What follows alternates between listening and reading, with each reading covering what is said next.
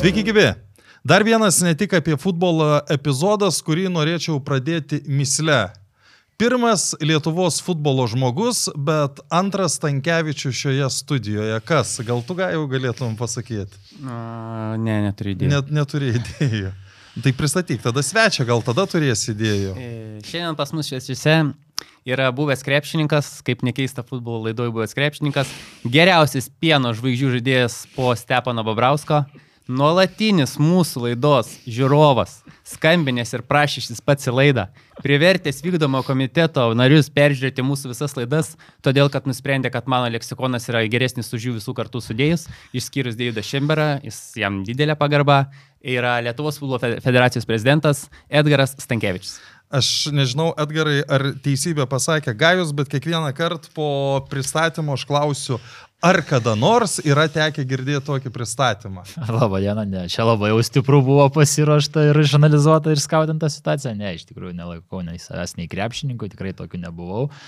Teko, O kaip ne, kaip teko, ne? teko mėgėjiškai žaisti.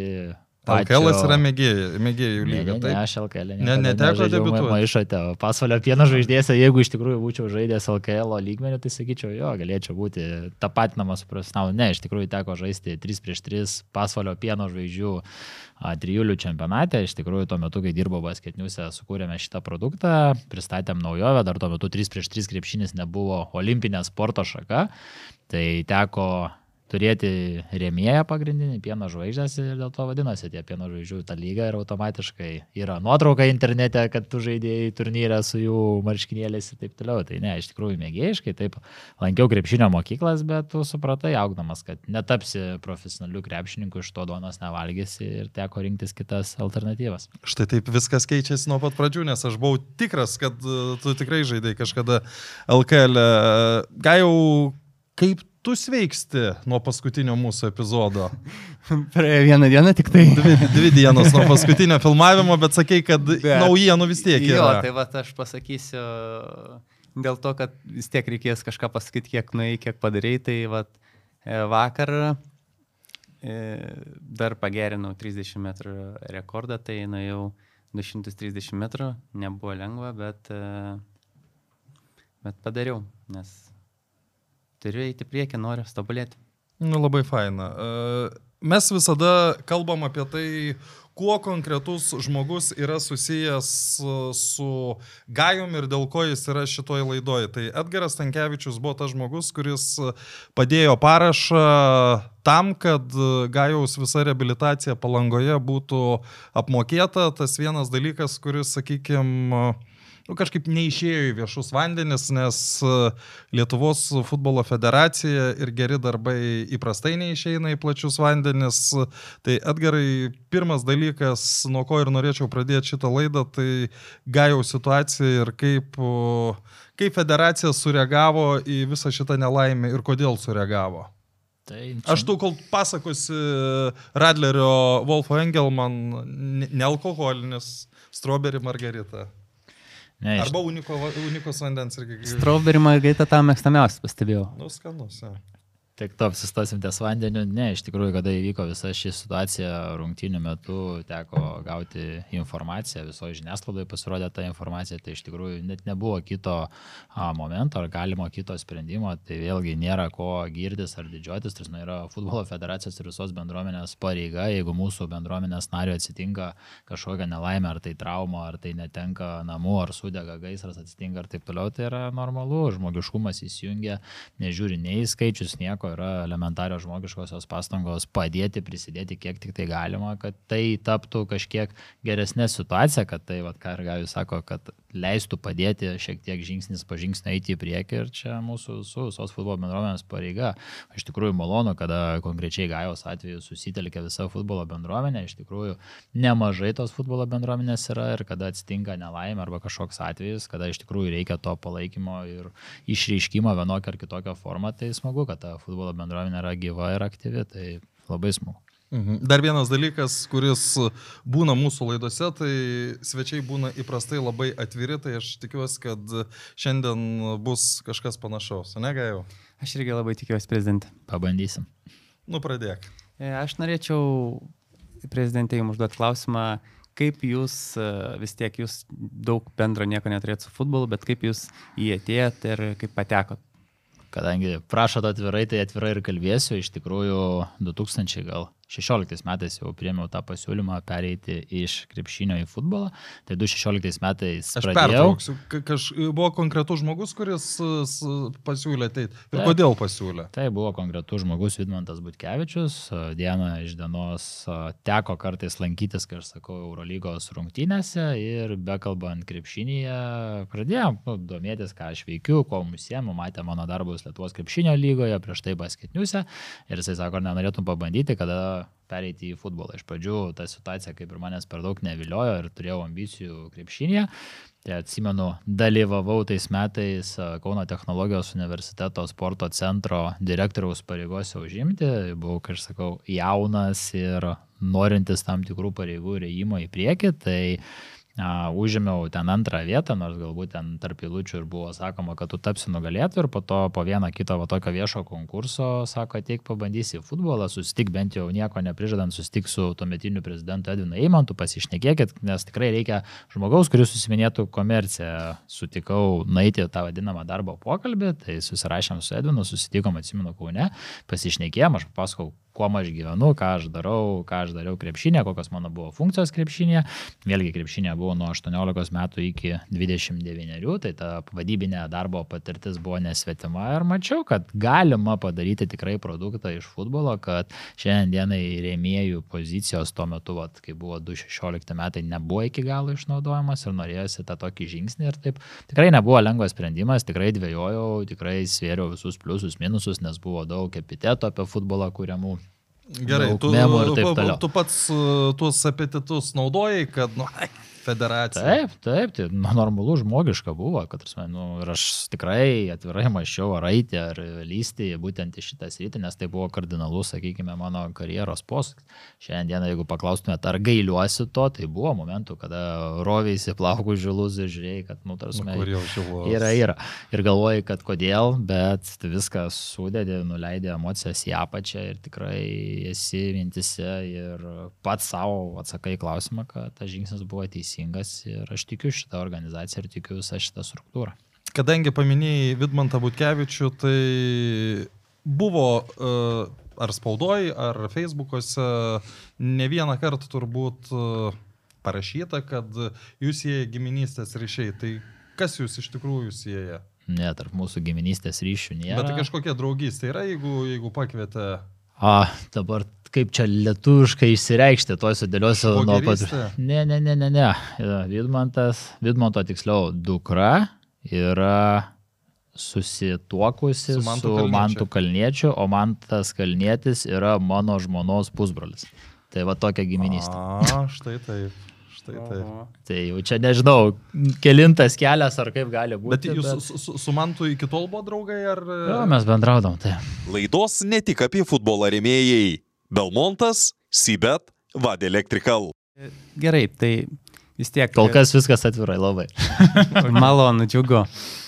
E, Atėjote į federaciją, pradėjote dirbti ir e, kaip tapot jūs Lietuvos futbolo federacijos prezidentu, iki to vis tiek buvo ilgas kelias ir kaip jūs tik atėjote, ar nebuvo tokių, kad, ai, čia kažkoks buvęs krepšininkas iš kažkur, kažkas tokių vat, visų kalbų vis tiek, kai būna kolektyvas didelis, tai noriu sužinoti, ar nebuvo tokių kalbų ir kaip jūs e, buvęs krepšininkas, nusavęs krepšininkas neskaitot, bet mes skaitom vis tiek 3 prieš 3 dabar jau, kaip sakėt, yra olimpinė sporto šaka, tapo Lietuvos futbolo federacijos prezidentu. Gal galite kažkaip plačiau papasakoti? Tai tų vertinimų ir epitetų tiek buvo, tiek yra ir manau jų dar bus.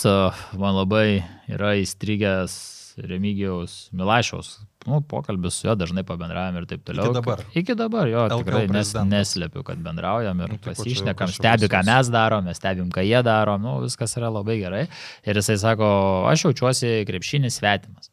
Nes visą laiką, sako, aš nesu žaidęs krepšinio ir taip toliau, aš esu verslo žmogus, kuris investuoja savo pinigus, kuria produktą ir taip toliau, ir daugumai bendruomenės narių aš būsiu svetimas visą laiką.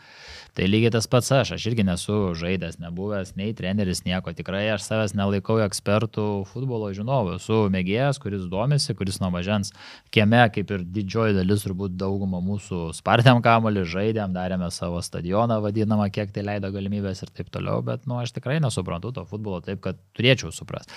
Bet aš save tapatinu per vadybinę sritį, per organizacinę sritį, o tų epitetų vienokio ar kitokio jų visą laiką buvo. Grįžtant prie jūsų gaus klausimo, Tai mintis buvo labai paprasta, kai tapau komercijos vadovu, tai praleidau pusantrų berots metų, jeigu tiksliai atsimenu. Nu, pavyko kažką atvesti, prikelti. Pavyko, tai vėlgi tas pats tuometinis Nu, nes aš, aš, dėl Dabartinis... ko, aš dėl ko klausiu, nes nu, mes matome pilną uh, žinučių apie tai, kad nieks nenori remti futbolą. Ne, iš tikrųjų nėra lengva ir dabar Natūralu. žmonės dirbantis federacijoje, tas pats Laurinas diena iš dienos bando surasti, atrasti rėmėjų, bet nu, nėra taip paprasta ir vėl čia dar gal laidoje šiandien pasikalbėsim apie tą valstybės požiūrį sportą, nėra bendros sporto politikos, sporto remimo politikos ir taip toliau, bet grįžtant prie to vat, klausimo, kaip pavyko, tai tai buvo pirminės Powered by BetSafe'as, dabartinis BetSafe'as, buvęs Tony Betas, tai va, buvo mano tas pirmasis, vadinkim,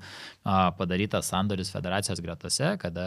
Aš tik priminsiu, kas į Betas šitą laidą remia, tai turėkite. Tarp kitko, viskas tvarkosi, Betas patapo ir mūsų partnerių, mes turime naują platformą futbolas.tv, tai Sibetas yra vienas iš pagrindinių šio portalo arba projekto remėjų, tai dėkui Sibetui. Tai iš tikrųjų be lažybininkų, be tų visų lošimų vadinamų, industrijos šiandien aš neįsivaizduoju galimo. Ir čia ne tik sporto. Lietuvoje, čia visam pasauliu. Čia visom sporto šakom tas galioja ir tikrai tikiu, kad atsiras blaivaus proto ir samoningumo valdžios institucijams nenaikinti šitos galimybės remti sportą, nes iš tikrųjų šiandienai visos aukšto meistriškumo komandos didžiaja dalimi iš to gyvena, tas pats ir su federacija.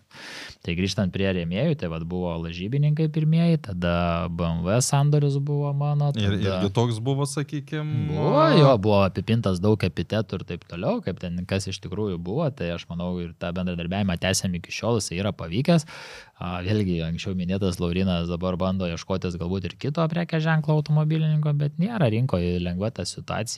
Didžiaja dalimi tarptautinės tos partnerystės yra uždraustos arba jos yra apribotos dėka karo, dėka pandeminės situacijos, COVID ir visų kitų iššūkių. Tai iš tikrųjų nėra lengva rinkoje. Tada pavieniai vėl Šarpas, Tiklita, Diremta, Oleksas, kurie iki šios dienos yra, tai tas rėmėjų tarpas jisai buvo, bet kad sakyčiau, mes labai labai stipriai pakėlėm į kitą lygį, ne per finansinę prizmę, ką mes bandėm padaryti, tai komercializuoti kiek įmanoma daugiau savo organizuojamų renginių projektų. Aš atsimenu 2016, kai pradėjau dirbti ir nesakysiu, su kurio žmogumi, jau jo nėra šiandienai futbolo federacijos gretose. Kad, kad gyvenime nėra. Vy, vy, vyresnio amžiaus, buvęs prezidentas vienos iš asociacijų ir aš tai jau sako, jis pas mane atėjo tuo metu ir sako, man reikia renginiui LED.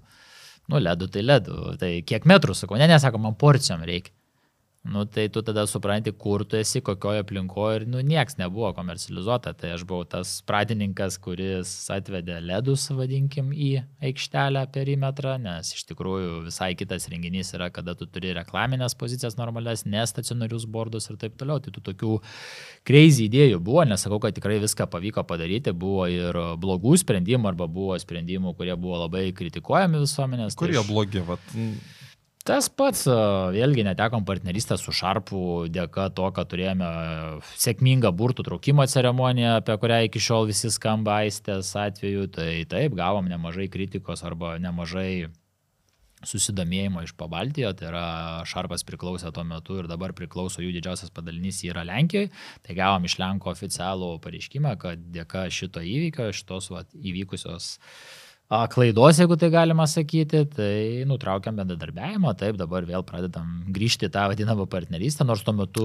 Nuėjo... Šarpas tuo metu buvo taurės e, rėmėjai. Jisai buvo pagrindinis taurės, Ai, generalinis tu- taurės rėmėjas, tai ir federacijos vienas iš pagrindinių rėmėjų. Tai, nu, tokių klaidų buvo ne, ne, neišvengta, po to vėl atėjo tada lažybininkai, sukėlėm tas vadinamas komercinės vertės, atsirado kiti lažybininkai, lažybų bendrovės, kurios tikrai pasiūlė didesnį bendradarbiavimui skirtą sumą. Tai po to, po komercijos vadovo pozicijos tapau generalinio sekretoriaus, tuo metu Neriaus Dunausko pavaduotoju.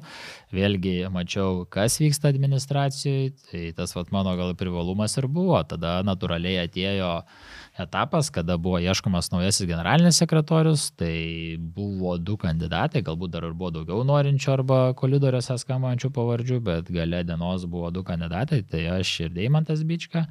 Vėlgi buvo pozicija, opozicija, tai yra normalus reiškinys, tai vieni pasiūlė mane, kiti pasiūlė Deimantą Bičką, laimėjau ganėtinai didelę balsų persvarą ir tada prasidėjo etapas su Tomu, jisai kaip prezidentas, aš kaip generalinis sekretorius ir galiu pasakyti, kad tie metai tikrai nebuvo blogi, dirbom ganėtinai neblogai, aišku, klaidų neišvengta, rezultato nėra tokio, kokio visi mes laukiam ir norim turbūt tikėtis, bet O rezultato kokio? Kiek įmanoma rinktinės ar-. Taip, tik aš sakau, šiandienai visi federacija matuoja apie rinktinės rezultatą. Nu, bet tai čia buvimą natūralu yra. nebuvimą. Jeigu mes šiandienai prie savo viso susitvarkymo, prie savo aplinkos, prie įstatų pasikeitimo ir taip toliau turėtume rezultatą, tai ta Tada galėtumėt būti nesusitvarkę.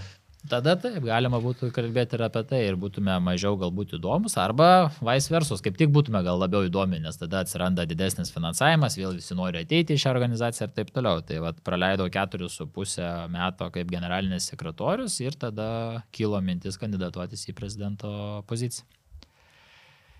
Trumpai. Labai aiškiai, bet netrumpai. E, čia prieš laidą kalbėjom, kad va, atvažiuosit šiandien taurės rungtynės Kauna Žalgeris, Žalgeris Vilniaus. Taip. E, dar buvot panevežį kalbėti su meru. Gal galit papasakot, kokia yra vat, e, prezidento Lietuvos futbolo federacijos dienotvarkė? Tai pirmiausia, reikia nepamiršti, kad esu tėtis savo dviems vaikams, tai mano standartinė diena prasideda nuo vaikų išvežiojimo į mokyklą. Aš, a- ar įmanoma suderinti tas normaliai tiečio pareigas su tokia pozicija? Ne.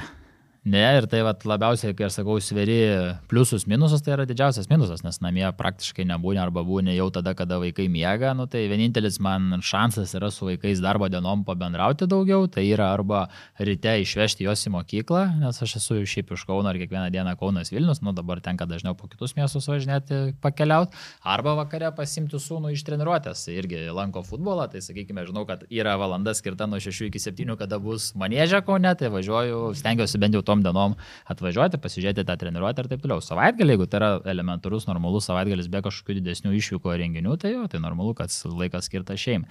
Aš atsiprašau. Ir aš norėčiau atsiprašyti. spė- spė- Spėk, kokią akademiją lankė. Nespėsiu, bet norėčiau paklausti, o sunus jau daugiau supranta už tėti futbolį ar ne? Manau, kad po truputį, po truputį jo, žaidėjus jau visus Nu, Pabandyk, mintinai. kurią Kaune akademiją lanko. Tai žalgerio? Ne. Ne. Kas ten yra dar Olimpas? Ne. Aidas, kas Na, ten? ilgai spėliosim. Palengvinsim sertifikuotas akademijos. Tarp 30 sertifikuotų akademijų ta akademija yra iš Kauno.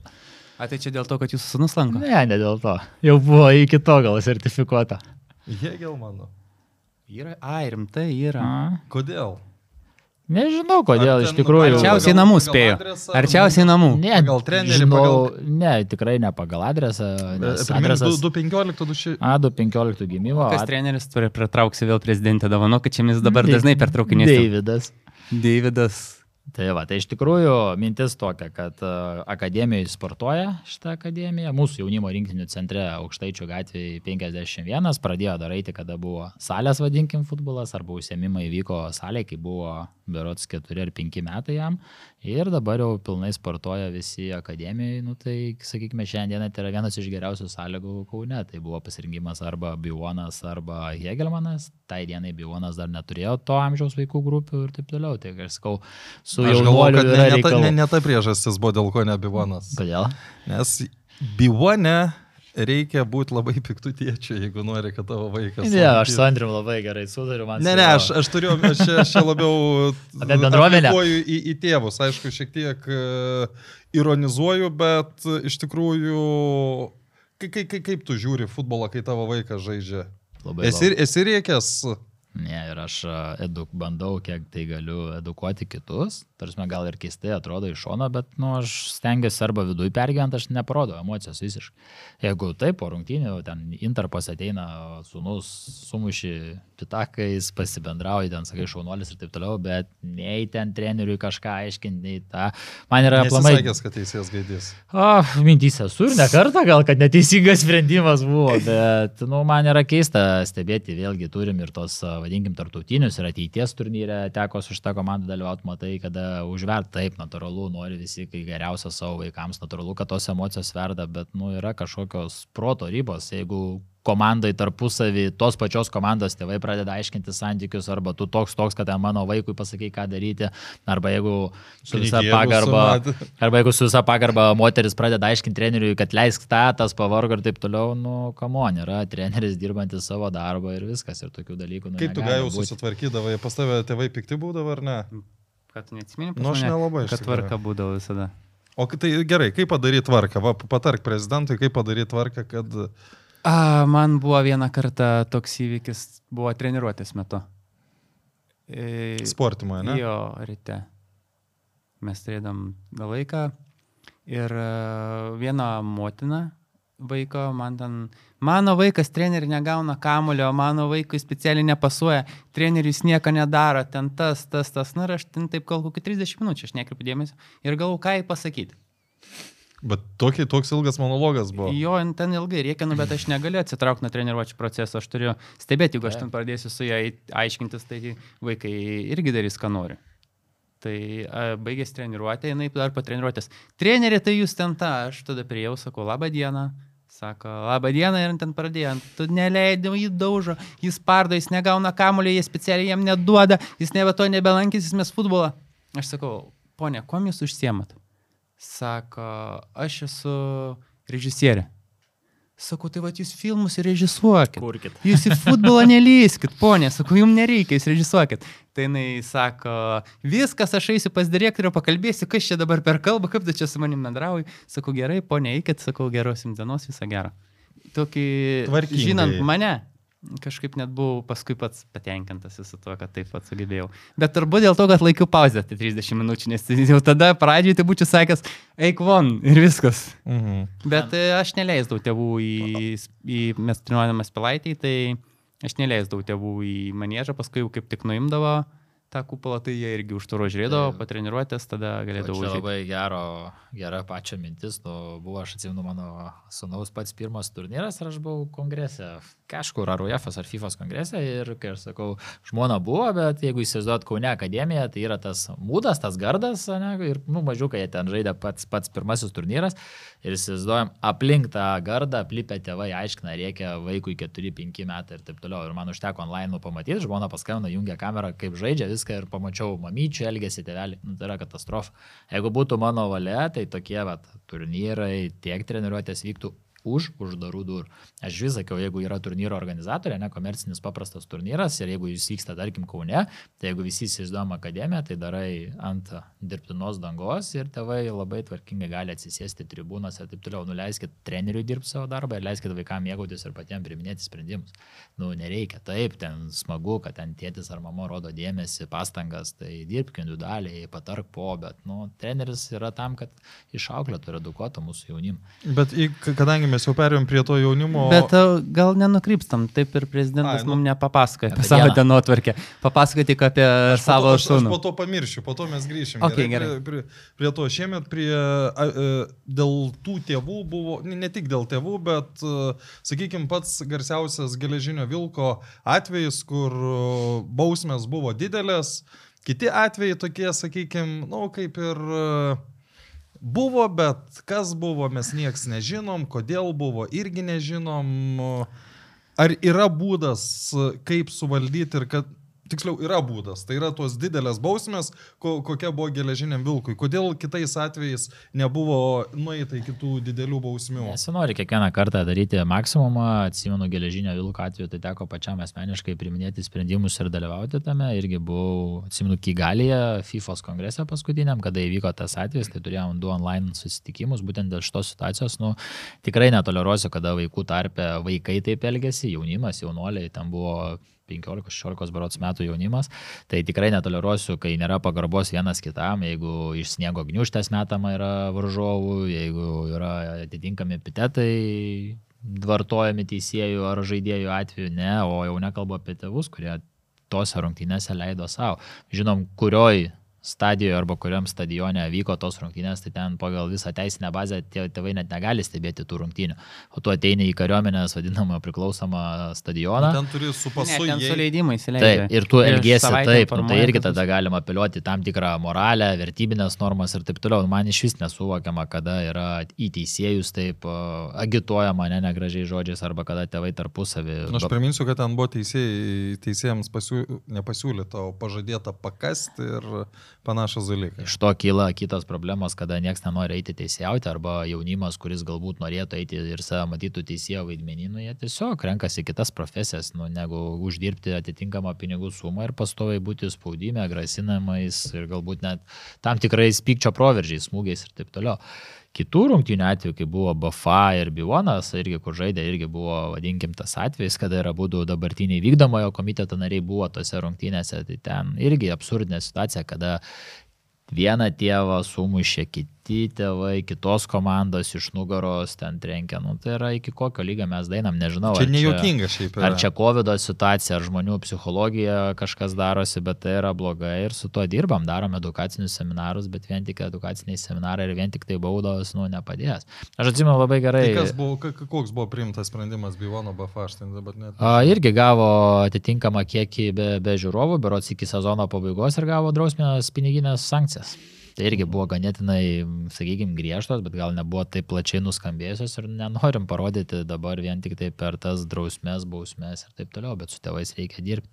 Aš savo komandai, kur dalyvaujam, irgi pasakiau po sportimui, po įvykusio ateities turnyro, leiskit vaikam patiems priminėti sprendimus, leiskit treneriui dirbti ir nu, pasistengim kaip tėvai, nu, neriekauti, nešūkauti. Iš tikrųjų, kai kada veikia, kai kada pramuša tos emocijos, bet ir komandų labai adekvačių. Yra vienos tikrai adekvačios, kur matosi tvarkingi, kultūringi tėvai, suprantantis kiti, daina iki agresyvumo. Čia tos adekvačios komandos labai Tai vėl, norėčiau aš sprendžiu pagal savo vaiko tarpsnį, kada tu važiuoji tos turnyrus. Aha, ir tu, tu, 15 tu, tu matai, na. bet pavyzdys, praeitą savaitgalį vyko turnyras ir tas pats Gėgelmanas žaidė prieš kedainius, tai ten tėvai vos negatavėjo būdų muštis vieni su kitais dėl tam tikrų ten teisėjų sprendimų, ar ten tas derbis Bivonas prieš Gėgelmaną, tai o, šitas pas ir Vilniui yra. Tai, va, nu, keista iš tikrųjų, aš suprantu, azartas užvaldo, bet, nu, turim atsiriboti nuo to ir stabdyti visus šitus reikalus. Tai čia matau didelę grėsmę ir turim dirbti su to, kad kaip prislopinti, nes tų emocijų ir aistrų yra per daug ir po to mes turėsim labai didelės pasiekmes. Niekas nenorės teisėjauti, vaikų kultūrą arba Jau jaunimo tarpe. Taip, taip. O kalbam apie tai, kad trūksta teisėjų, reikia naujos kartos teisėjų ir taip toliau. Bet... tai neprisidėdavo, kad būtų daugiau Ne, nu, teisėjų. bet aš, aurimai, turi teisėjauti vaikam geriausi teisėjai. Pats matai, kokie teisėjaudo teisėjai. Nu. Aš, aš jo niekada... Gerai, palauk. Gerai, palauk. O. Aš irgi niekada nebuvau tų teisėjų šalininkas, aš ir kaip žaisdavau, na, nelabai pagarbus buvau žmogus, aš tą pripažįstu, aš dėl to gailiuosi, iš tikrųjų yra kultūra kažkokia, reikia, visi mes klystam, bet man jokingiausias yra tas, o tu išėjęs vienas prieš vieną visada įmuši. čia nesąmonė. O tai kaip 3 metrai nuošlė ir paprasčiausias taisyklės tiesiog stebi ir pakel vėliavėlę. Mhm. Tai ir lengviau pakelti vėliavėlę, negu išėjus 3 kartus prie vienas prieš vieną įmušti į vartą. Vis pirma šitas, vat, nu, ir jų tas ir pagrindinis. Aš suprantu jo, kad jie irgi mokinasi, kad jauni, bet nu, jie kartais daro klaidas. Gal dabar čia ir mūsų problema to jaunimo, kad jie viską žino, jie viską išmano, jie viską moko. Aš dar pats kaip žaidžiau praeitais metais Transinvest komandai, aš matydavau, kaip tie jaunimas ateidavo, kol jam neparodė, kaip reikia žaisti, jie vos tave ne kaip turnelį žiūrėjo, kad čia man vos nepasakai, ką reikia daryti. Tai aš einu link to, kad e, galbūt čia karta, kartos kažkokia problema, bet jau kur jie mokintis, turbūt reikia mokintis ant vaikų, pradėti aišku, bet e, kažkaip turi būti kažkokia tai atranka, net, net iš to mažo būrio, kas yra tų teisėjų, kažkaip nu, reikia pamatyti. Vis tiek visada yra entuziastai. Vat pas mus buvo svečiuose Donatas Rumšas, ne? Mhm. Futbolo teisėjas.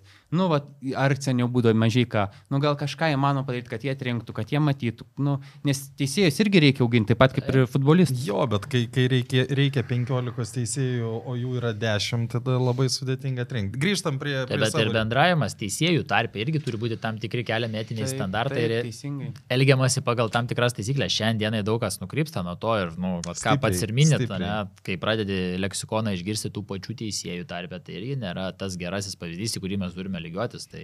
Ir visų pirma, teisėjas jis vis tiek, nu, jisai turi išlaikyti tą ribą tokia, jis negali pasiduoti emocijom. Futbolistai jo, jie gali pasiduoti emocijom, bet aš atsimenu, pavyzdžiui, ten iš seniau, kaip teisėjaudo žūta ar mažyka, jie tiesiog Mhm. ateidavo žmogiškai, pasakydavo, žiūrėk, gaiau ten tu, dabar darai nesąmonės. Aš tau pasakau, jeigu tu dar taip darysi, aš tau duosiu vieną kortelę, paskui duosiu kitą, sako, nes tu esi neteisus, turi mane suprasti. Ir kaip ateidavo taip žmogiškai, tau be emocijų gražiai paaiškindavo, taip. tu suprasdai, kad tu esi kaltas ir jo atsiprašau, arba ten bus taip ir kitaip, o kai būdavo visi tave lauk, arba tu čia mažiau šnekėk, arba, nu, Nu, tokių aišku, visokių. Grįžtam prie, prie savo reikalų. Jo, grįžtam prie savo reikalų apie dienotvarkę.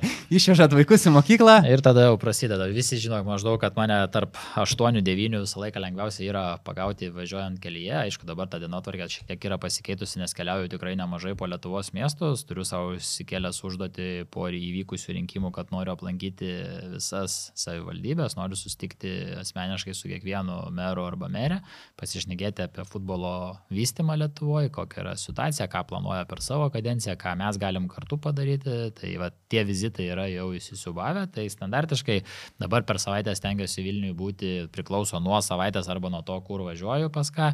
Tai dažniausiai pirmadieniais, ketvirtadieniais jau yra tokios kaip ir Vilniaus dienos, kad tikrai ofise su žmonėms, su darbuotojais, su ateinančiais svečiais susitinki, o tada jau du vizitus, dvi dienas jau paskiri grinai vizitus. Kaip pavyzdys, šiandien buvau panevežį, rytoj Vilniaus rajonas, penktadienį Marijampolė, tai kiekvieną savaitę dabar turiu, pirmadienis bus Kauno rajonas, tada Garždai, nu tai pasiskiria tas dienas.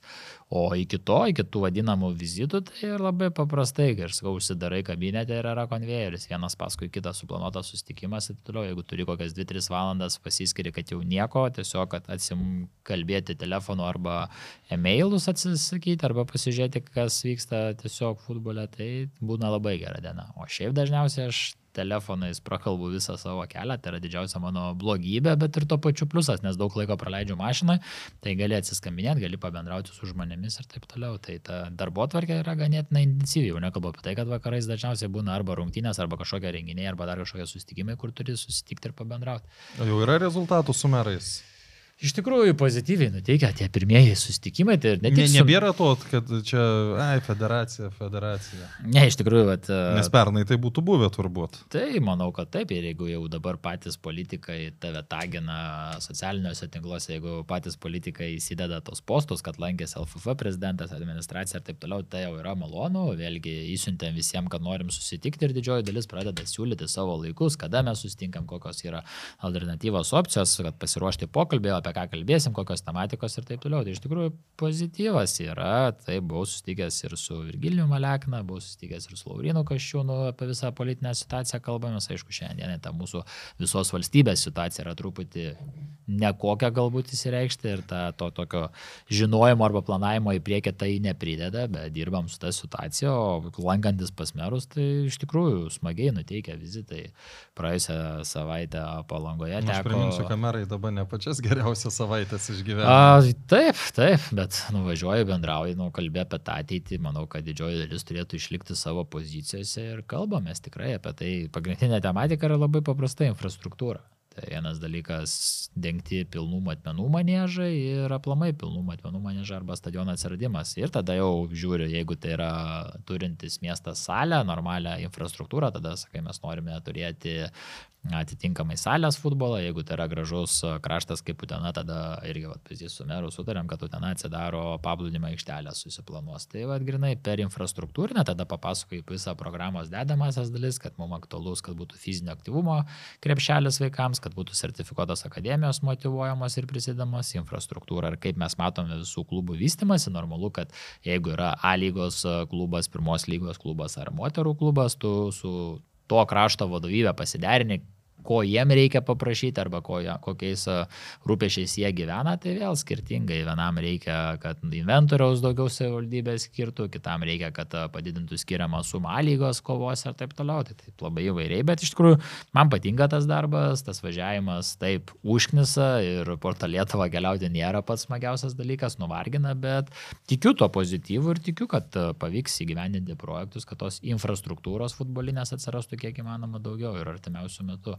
Iš tų kalbų, ką girdžiu, ką sugalvam su merais, taip aš suprantu, kad jie irgi yra politikai, taip yra tarybų sprendimai ir taip toliau, bet ganėtinai pozityviai. Plus, kadangi mero vaidmo pasikeitęs, tai dabar, kai tu bendrauji tiesiogiai su meru, nu, tai tiki to įsipareigojimu, ką jisai pasako, nes jo galės irgi yra jau šiek tiek kitokios, negu buvo prieš tai buvusios kadencijos. Mhm. O pietus? Dažniausiai arba labai kažkur keli valgai, vėl jeigu dabar keliauji tarp miestų, tai viskas tvarkoju, stengiasi surasti vietinę virtuvę išbandyti. Jo, kupiškai labai nebloga buvo virtuvė ir taip toliau, ir taip nu, maloniai nustebino, o taip dažniausiai neturiu laiko pietų, vakar nepetavom, šiandien nepetavom, nu, tiesiog nu, nėra kada, tai arba vakarienę bandai kažkur pavalgyti, arba taip. Tai iš tikrųjų čia irgi yra blogybė, kad ritmo neturiu neprisižiūriu savęs ir iš tikrųjų reikėtų truputėlį gal slow down padaryti, bet jaunas esu, tikiuosi, kad viskas bus gerai, nors atsiliepia. Tarp jaunas ir nejaunas labai, Jo, labai, labai, labai greitai. 35 plus jau yra veteranų lygmuo, Taip, tai jau, kaip sakau, sveikas atvykęs į veteranų būrį. Tai iš tikrųjų jo, reikėtų labiau žiūrėti to, vadinkim, ir sportinio režimo, ir mytybos, bet, nu, nelabai pavyksta. Mhm. Gerai, buvom prieš tai jau biškių užbėgę, tai apie vaikų ir jaunimo futbolą dar norėčiau pakalbėti. Tai dabar čia naujausias projektas - regioninės rinktinės, taip? Mhm. Gal galit biški plačiau papasakoti? gal? Unika vanduo, čia jodo, natūralus, Kaž- jodos čia- šaltinis. Čia, čia nebus tas atvejis, kai paragavus susirauksė. Ne, šiaip, šiaip skanus. At, atras penkias jodo naudas. Jodas padeda palaikyti normalią odos būklę. Kai nepavyksta papietauti. Labai gerai. bus. Neblogas. ne? Neblogas. Tas kokteilis dar neblogesnis, matau. Jo, jis- Tai reikia paprašyti, kad prezidentą atidarytų irgi. Ne, prezidentas vairuos nereikia. Čia nu- Cukr, Ne, cukraus daug. Ai, va, iš tikrųjų, aš galvoju, kas čia. Saldu, vanduo, mineralinis labai gerai. A, veiklos daug, techninis departamentas, pagrindinė mūsų kryptis ir yra jaunimas, į ką ir noriu akcentuoti savo buvimo metu, tai yra jaunimas, jaunimas ir dar kartą jaunimas ir ta klubinė struktūra, tai regioniniai talentų centrai tai yra reikalingas projektas, bet atsiranda ir aš pats įnirtingai diskutuoju su mūsų techniniu direktoriu ir nuomonės tam tikrais rakursais įsikreipia arba nesutampa, tai matysim, koks galutinis bus projektas. Šiandien Šiandien nesutampa, galim šiek tiek. O ties strategija ir ties matymu, nes yra labai paprastas šiandienai pavyzdys. Nu, tiesiai šviesiai mhm. kalbėsiu.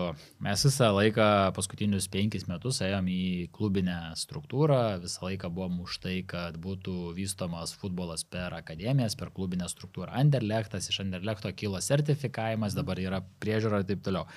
Regioniniai centrai vienai par kitaip pasižiūrėjus, tai yra papildomas įrankis vaikų individualiams tobulinti įgūdžiams. Iš kitos pusės, kada tu pakvieti juos į atranką, surenki geriausius arba vienas dalykas geriausių jų neleidžia akademijos, tarkim Vilniui Kaune jau girdim tam tikrus atsiliepimus, kad galbūt geriausi ne, tada mes su techniniu diriku, ką aš ir sakau, sakau, žiūrėkit, einam į tą situaciją, kad geriau galbūt ir vat, buvom susitikimas, buvo su visa bendruomenė, kad gal geriau koncentruotis į mažesnius miestelius, į mažesnės apskritis, kur iš tikrųjų to dėmesio reikia ir tų galimybių neturi. Du kartus per savaitę juos surinkti ir su jais treniruotis. Arba pasirūpinti jų transporto, atvykimu ir taip toliau. Pavyzdys plungės atveju, Žindulis dabar yra techninis direktorius, sako, mums pagrindas vat, šito projekto dėka labai gerai, trys vaikai neturi galimybę atvažiuoti, tai dabar šito projekto dėka galės vat, atvažiuoti ir po to galbūt sekantis žingsnis jie ateis pas mus į akademiją ir taip užsikabins. Ir tokių pavyzdžių arba tokių situacijų yra ne viena ir ne dvi, kurias reikia spręsti. Bet grįžtant atgal prie klausimo.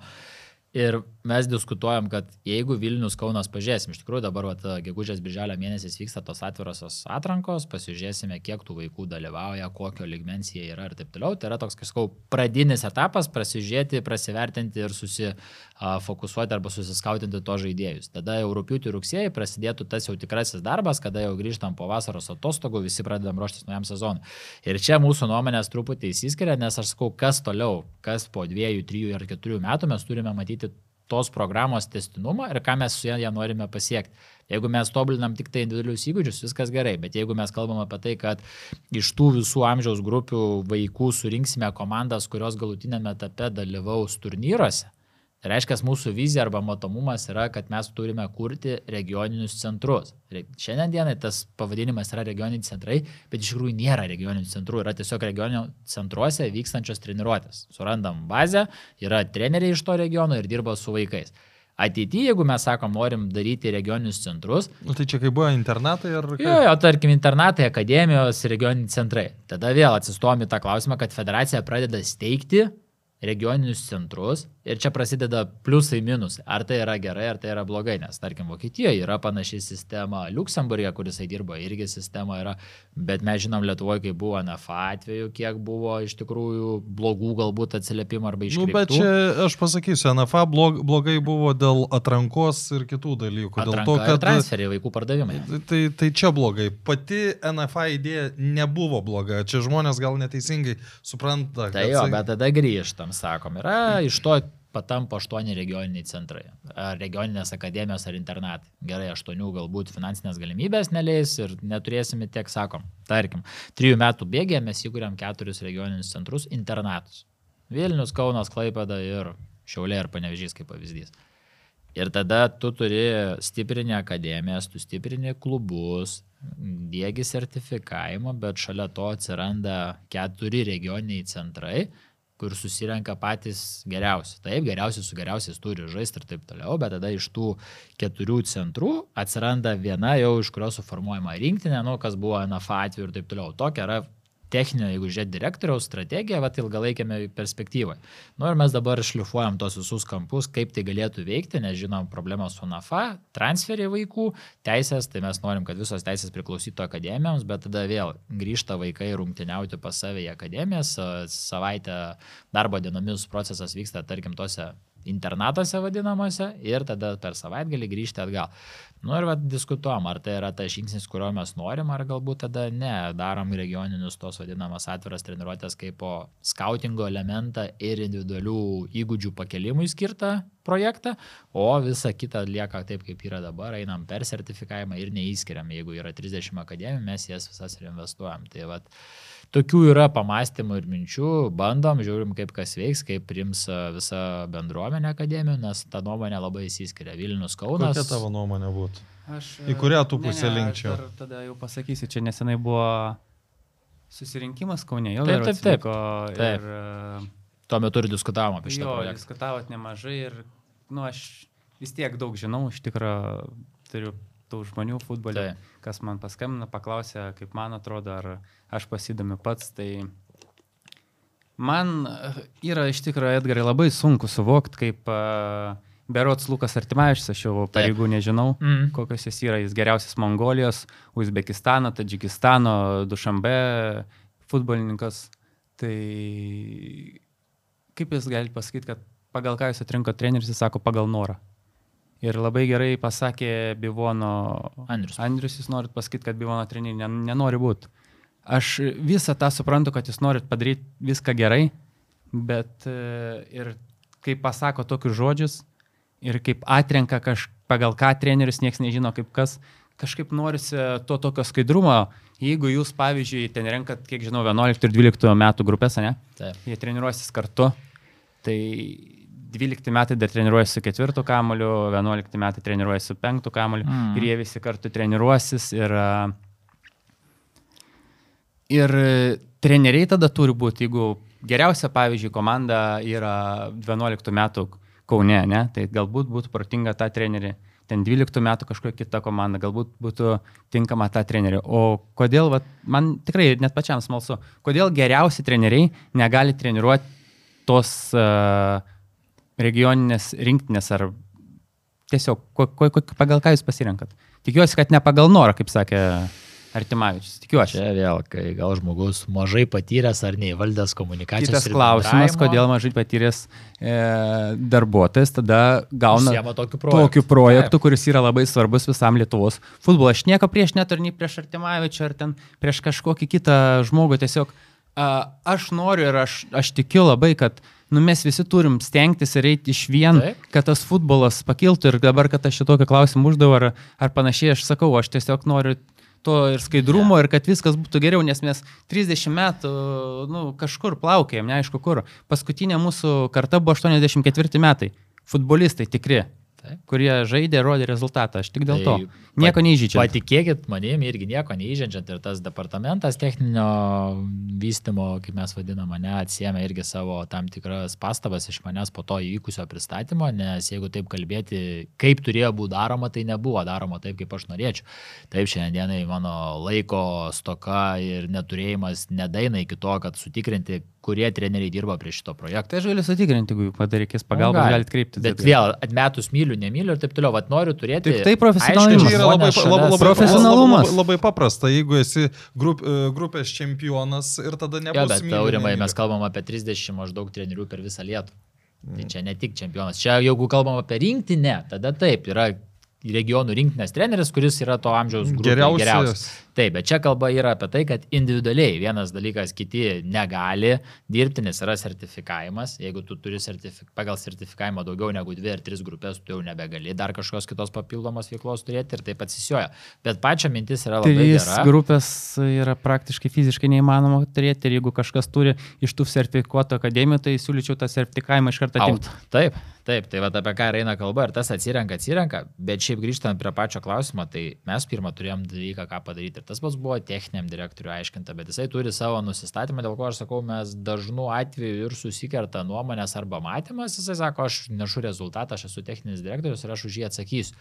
Man ne O vis- kaip, kaip, kaip atsakys, man labai įdomu. Raus, vokiečių kalba būtų atsakys Nes raus. Man, Taip, nes realiai, man, man lab- labai, patinka, man labai vatą. patinka, kai treneriai po rungtynių sako, aš prisimu atsakomybę už pralaimėjimą. Tai man visada kyla klausimas, kaip prisėmė. Nu, tu vėl Algos atsisakai. Atsi, atsijėmi bendrą poziciją. Nu gerai, aš dieną iš dienos nesu įsitraukęs į techninio departamento veiklą ir tikrai nesukontroliuosiu, ar tas, ar, Tai ar ar. Gajus, ar Edgaras, kuris iš mūsų turi būti tam projekte dirbantis su vaikais.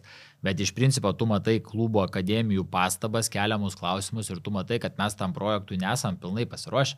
Arba mes esam pasiruošę ne taip, kad tas projektas tarnautų visai bendruomenį. Ir aš taip nenoriu daryti. Jeigu mes jau skiriame finansavimą ir taip O toliau. čia aš jau pinigai geriau- dideli bus. O čia turbūt. bus pinigai nemaži, jeigu bus tas projektas iki galo vystomas taip, kaip jis Kiek- kiek jis kainuos? 200 tūkstančių per metus. Bet apie šios metus mes nešnekam, nes tai yra grinai pasibandymas, grinai pabandymas pasižiūrėti, kaip tos atrankos veikia.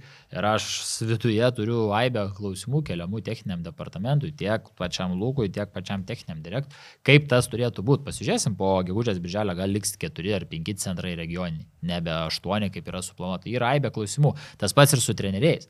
Taip, aš visų trenerių tikrai nepažįstu ir neturėsiu galimybę su visais susipažinti, bet aš matau, kad ten yra tam tikrų niuansėlių. Kodėl yra Labai didelių, pasirinktas vienas yra niuansų. Vaikų futbole yra labai daug problemų. Čia gero yra didžiausia problema. Didžiausia problema, net, net Taip. labai daug. Taip. Ir ten Andriaus ar kitų akademijų keliami klausimai to susirinkimo, to bendravimo metu buvo geri.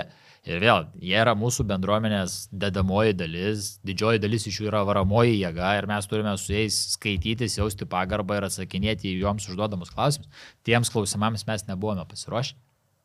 Mes tai kalbu apie techninį departamentą, apie federaciją ir taip toliau. Ir nėra ką, ką vinioti, daug idėjų yra minčių. Tas pats su skautingu nuomonė įsiskiria gerai, gal aš nesu specialistas, bet analizuoju poreikį, ką nori turėti Lietuvos futbolo bendruomenė, analizuoju poreikį, ką matau, kas vyksta ir tada tu dėlioji galimus variantus. Nereikia šauti į palubės ir taip toliau, reikia realiai to, ko geidžia ar nori mūsų vietinė bendruomenė. Tas pats su rinktiniais ten trenerių skirimais, dėl ko aš ir perinu prie to, kad birželio mėnesį bus pasiūlyta sporto grupė. Tikrai noriu šalia savęs turėti sporto grupę. Mintis ir noras yra toks, kad iš vykdomojo komiteto narių būtų sudaryti tam tikros vadinamos departamentai arba subgrupės. Toks yra vat, matymas, bet vėl turėsim vykdomąjį komitetą, įsidiskutuosim. Pavyzdys, turime klausimą jaunimo futbolą. Turime už jaunimo futbolą šiandieną vykdomajame komitete atsakingą Ivaną. Tai tarkim, Ivanas tampa to už jaunimo futbolą atsakingų departamento. Ivanas, tai čia yra vadovu. Ivanas Jo, kad žinotų visi. Taip, taip, taip. Ir tada jau jisai susirenka savo, vadinkim, kolektyvą, ten 7, 8 ar 10 narių iš skirtingų akademijų, kurie sprendžia Lietuvos futbolo akademijų tarpę susijusias problemas ir išneša jau į tą darbo grupę ir mes darbo grupėje priemam sprendimus. Tai vat, nu, noras yra suformuoti tą sporto grupę, nes matau, kad ne visą laiką techninis departamentas šiandien dienai atliepia į visos bendruomenės lūkesčius ar norus. Taip, kaip turėtų būti iš tikrųjų vis. Jau nekalbu apie tai, kad ten visą laiką galbūt diskutuojama vėlgi, kai ir sakau, kas neš atsakomybę, tai galtinėme etape neš techninis direktorius, bet ką, paprasčiausiai baigsis jo kontraktas arba jisai atsistos ir išeis, kas buvo ir su Patriku, gavo geresnį e, pasiūlymą ir išvyko. Tai tas nešimas to. Tai čia ne, ne, ne, ne, ne Lietuvos futbolo federacija atsisakė. Devildas. O bendrų susitarimus, iš, iš tikrųjų, kas buvo. Jis gavo pasiūlymą iš Tuniso beros ar Maroko, dabar neatsimenu tiksliai, ir matosi pasikeitė jo bendravimas, pasikeitė elgesys, nu ir tu, kai tu buvai pusantrų berots metų su juo bendravai ir staiga kažkas tampa, matosi noras konfliktuotis, ieškojimas tam tikrų priežasčių, tu supranti, kad kažkas vyksta. Nu, ir tada labai elementariai buvo pasakyta, gavau pasiūlymą ir aš ten važiuoju, o čia yra per daug politikos ir aš nematau savęs Lietuvoje. Nors dabar, kai tapau prezidentu, pasveikinau pasveikino, atsiuntė savo CV, kad norėtų grįžti į Lietuvą ir taip toliau. Tai kad bumerangas sukasi. Tai tų klausimų yra tikrai ne vienas ir ne du ir negali vien tik tai techninis direktorius ir būtent iš kitos šalies atvykę žinoti mūsų ypatumus. Nu, mes esam savitas kraštas su savo principais, tradicijomis, papročiais ir taip toliau. Irgi kalbos barjeras, daug kas galbūt nuvertina tą patį Reinholdą dėl to, kad nesusišneka paprasčiausiai arba neperteikia tų visų minčių ir idėjų. O ką jis gero yra jau nuveikęs? Vardinti dabar konkrečiai. Jo, nu, tokius jau didesnius darbus. Ne, Kelis. Kelis, tai tas pats akademijų sertifikavimas, taip, tai yra techninio departamento dedamoji dalis, kuris yra jisai vadovas, jisai vėlgi, jeigu žiūrėti tą visą sertifikavimo sistemą, tai pagrindė buvo Diana Jonaitinė, pagrindė buvo Deimantas Byčka, Algirdas Kolkauskas iš jaunių pusės pasijungė į sertifikavimą, Ignas tas pats iš masinio futbolo, bet jisai kaip vadovas departamento irgi turėjo savo pastebėjimų, į kurias mes atsižvelgėm ir adaptavom, tai gerai sertifikavimas galima prikabinti, bet tai nėra didžioji jo nuopelnai, tada visas techninio departamento trenerių sukūrimas. Šiandienai mes turime 13 pilnų etatų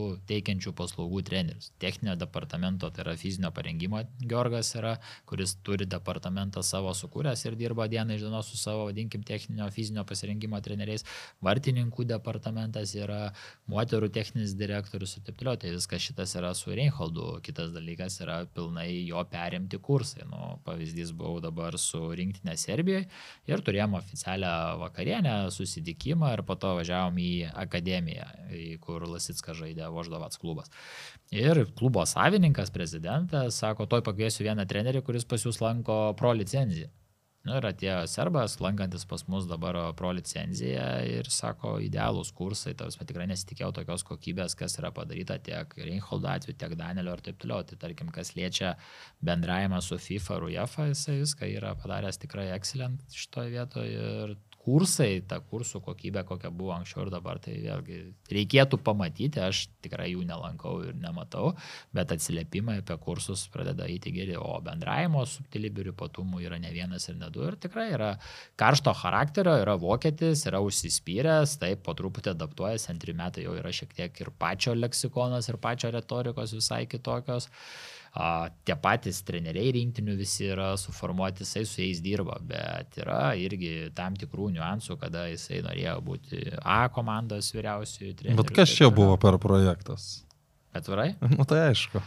Projektas buvo labai paprastas, ta prasme tikrai norėjom, kad Valdas Ivanauskas nebebūtų nacionalinės rinktinės trenerių, realiai kažkokių imti naujų žmonių iš užsienio, ten tų specialistų turėjom ne vieną ir ne du CV, bet nu, ne, nesinorėjo duoti bet kam, o likti su Valdu Ivanausku toliau irgi nenorėjom, nors iš vykdomojo komiteto buvo noras ir palaikymas Valdui, tai su Tomu turėjom vienintelę opciją Reinholdui, o Reinholdas vėl šiandien jisai pavyzdys. Sako, Nu, bet aš čia kalbu rinktinė ne- jauninama. Aha, bet aš čia ne, ne, ne, ne apie tą pirmą etapą, bet tada, kai jau a, baigės nesėkmingai praeiti metai. Ir, Jisai, var, jisai pats, pavyzdžiui, pačio Reinholdo vertinimus, jisai vertina, kad jisai padarė rezultatą. Ir Jeigu tu su juo kalbi, tai jisai sako, Tada "Pažiūrėkit, labai blogai." Buvo to, kur dabar su manim buvo. Ir jisai labai buvo užsispyręs apie tai, kad tęsti. Tai aš atsimenu mūsų patį pirmą pokalbį, aš pasakiau, kad tikrai ne ir kad tikrai tu nebūsi daugiau nacionalinės rinktinės trenerių, užtenka, tu buvai tas vadinamas laikinasis, kaip laikinas sprendimas, dabar mes turim susirasti. Jeigu jau nerasim lietuvių tarpę, tai tada eisim su užsieniečiu. Ir buvo kelios konkrečios pavardės, su kuriuo mes nu, norėjom susitarti. Bet O gerai, ga, galim argumentų, kur, kur buvo pliusai, sakykime, praeitų metų. Iš jo pusės? Jo. Dėl trenerio tapimo? Nu, ne, ne, ne. e, Tai, ką jis teigiamo padarė rinktiniai A, A komandai. Jisai sako, prie, prie manęs gynėtis pradėjo žaisti, jeigu taip žiūrėt, sako, iki tol jisai nebuvo kviečiamas, sako, aš jį atradau ir jam suteikiau šansą, kiti jauni žaidėjai prie mane žaidė, pasižiūrėkit, sako, rezultatą su ta pačia Islandija, kaip mes atrodėm ir prieš kokio lygio varžovą žaidėm, tas pats rungtynės prieš Luksemburgą, jo nuomonė buvo geros. Tai, nu, vėl, visi mes matom iš savo pusės ir paprasčiausiai jis tikrai norėjo likti tame. Jisai mato procesą arba aiškina bent jau taip, kad jisai žiūri ilgalaikę perspektyvą ir kad rinktiniai turėtų žaisti šiandien dieną jaunimas. Jo nuomonė, jeigu mes ir pralaimėsim ar 0-4 ar 0-5, o dabar su vyresnė karta mes žaidžiam su šiandien dienai, kas yra geriausi, nors aš, pavyzdžiui, už tai esu, kad į rinkinę šiandien dienai turi būti kviečiami tie, kas yra geriausi tai dienai pasiruošę. Taip, vienas kitas papildomas jaunimas, jaunuolis gali būti pakviestas, bet pagrindą turi žaisti tie, kurie tikrai nusipelnė. O jisai eina per tą prizmę į jauninimą, žiūri kaip iš techninio departamento. Tai sakykime, su Patriku buvo tas pats a, susikirtimas dėl perėjimo iš U20, U19, U21 ir nacionalinė rinktinė treneriai tarpusavį kipišuodavosi, kas į kokią rinktinę turi eiti. Tas pats buvo su Valdu Urbanu irgi buvo sudėtingai, tas pats buvo ir su Marium Stankievičiumi tie konfliktai viską. Šiandien dienai turim atsiskyrę, kad jisai su nacionalinė rinktinė nieko nebedaro. Yra Edgaras Jankauskas, kuris pilnai prižiūri, jisai pilnai komplektuojasi tiek trenerių kolektyvą, kaip jisai nori matyti ir taip toliau, o Reinholdas atsako nuo U15 iki U21 rinktinių tarp. Yra, yra tų, kaip aš sakau, subtilybių, bet čia vėl, arba tu jam turi duoti tą vadinamą pasitikėjimo kredit- kreditą ir jo tikėti, arba tada reikia atsisveikinti.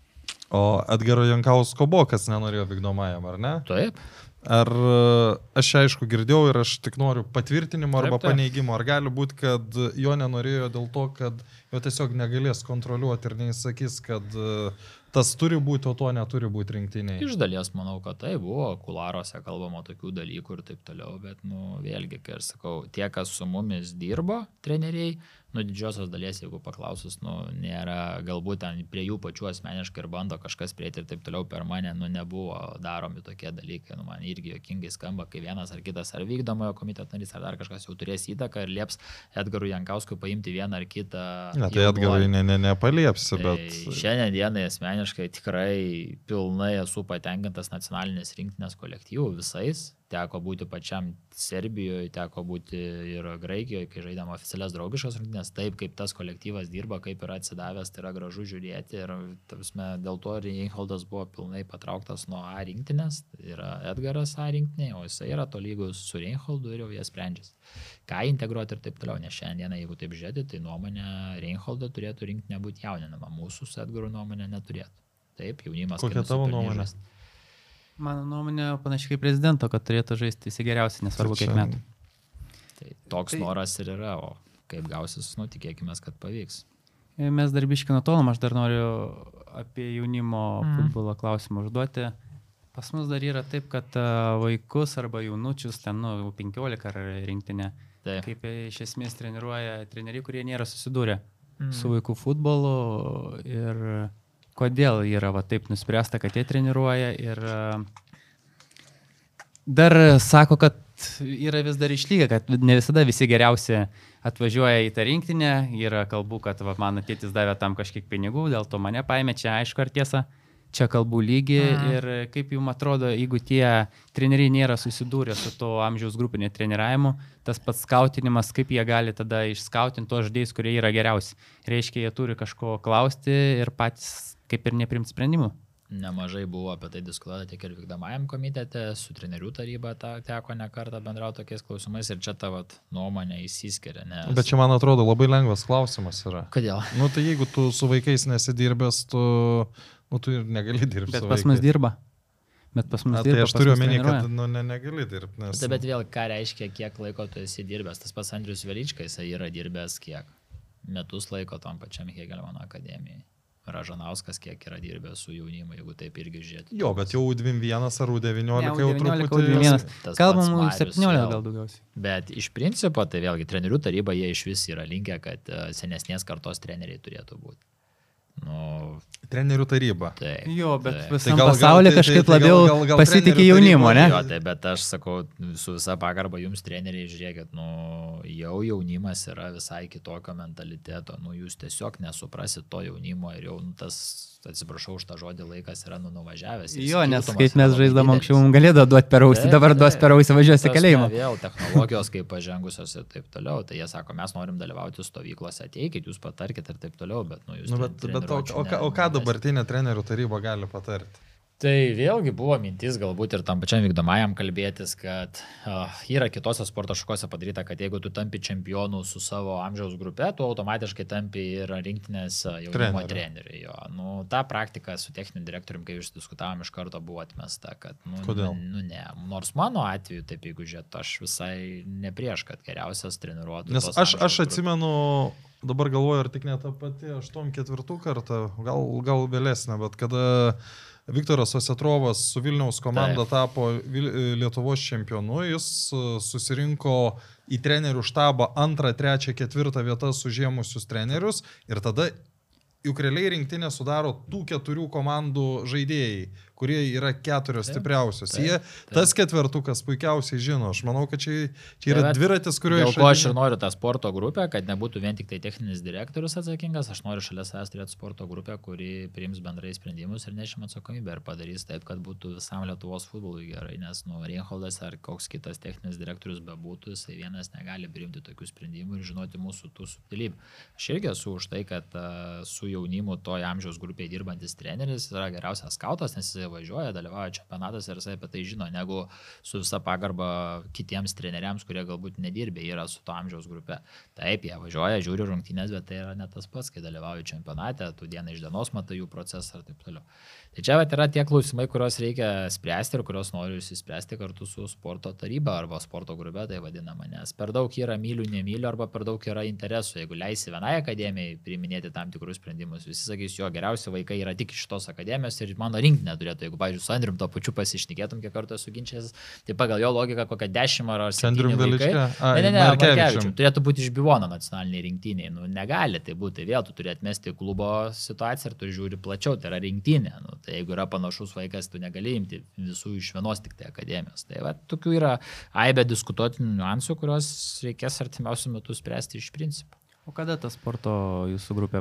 Aš čia noriu pateikti pasiūlymą vykdomajam komitetui birželį, kad jinai būtų suformuota ir tada pradėti diskutuoti klausimų, nes tų klausimų yra aibė ir aš noriu, kad dėl ko ta sporto grupė yra reikalinga, kad būtų bendrai yra aibė klausimų pavyzdys jaunimo integracija. Mes turime jaunimo integraciją, kada jinai jau veikia berots šeši metai, jeigu neklystu, penki, šeši sezonai.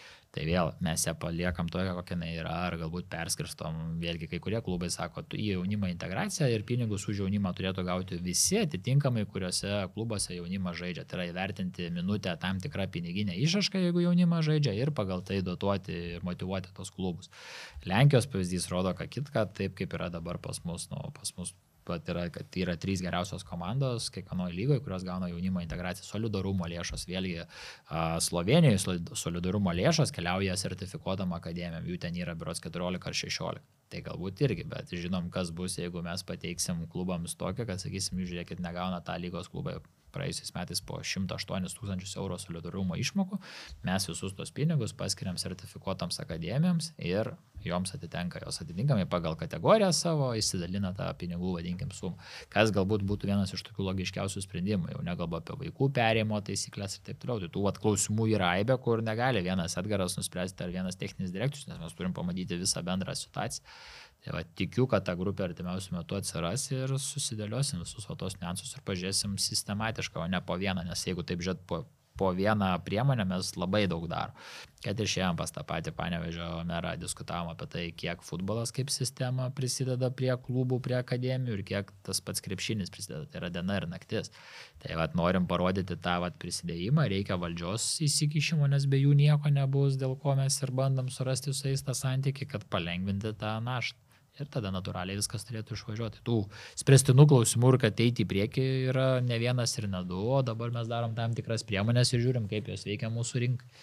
Tas pats sertifikavimas, eilė, eilė, eilė šalių jau yra seniai nuvažiavusios į priekį ir turi sertifikuotas akademijas. Mes dar tik tai žengėme pačius pirmosius žingsnius. Jeigu techninio direktorio akademijose nebūdavo 3-4 metai atgal, dėka Anderlechto atsirado, bet vėl be federacijos suporto arba palaikymo nieko nebūtų.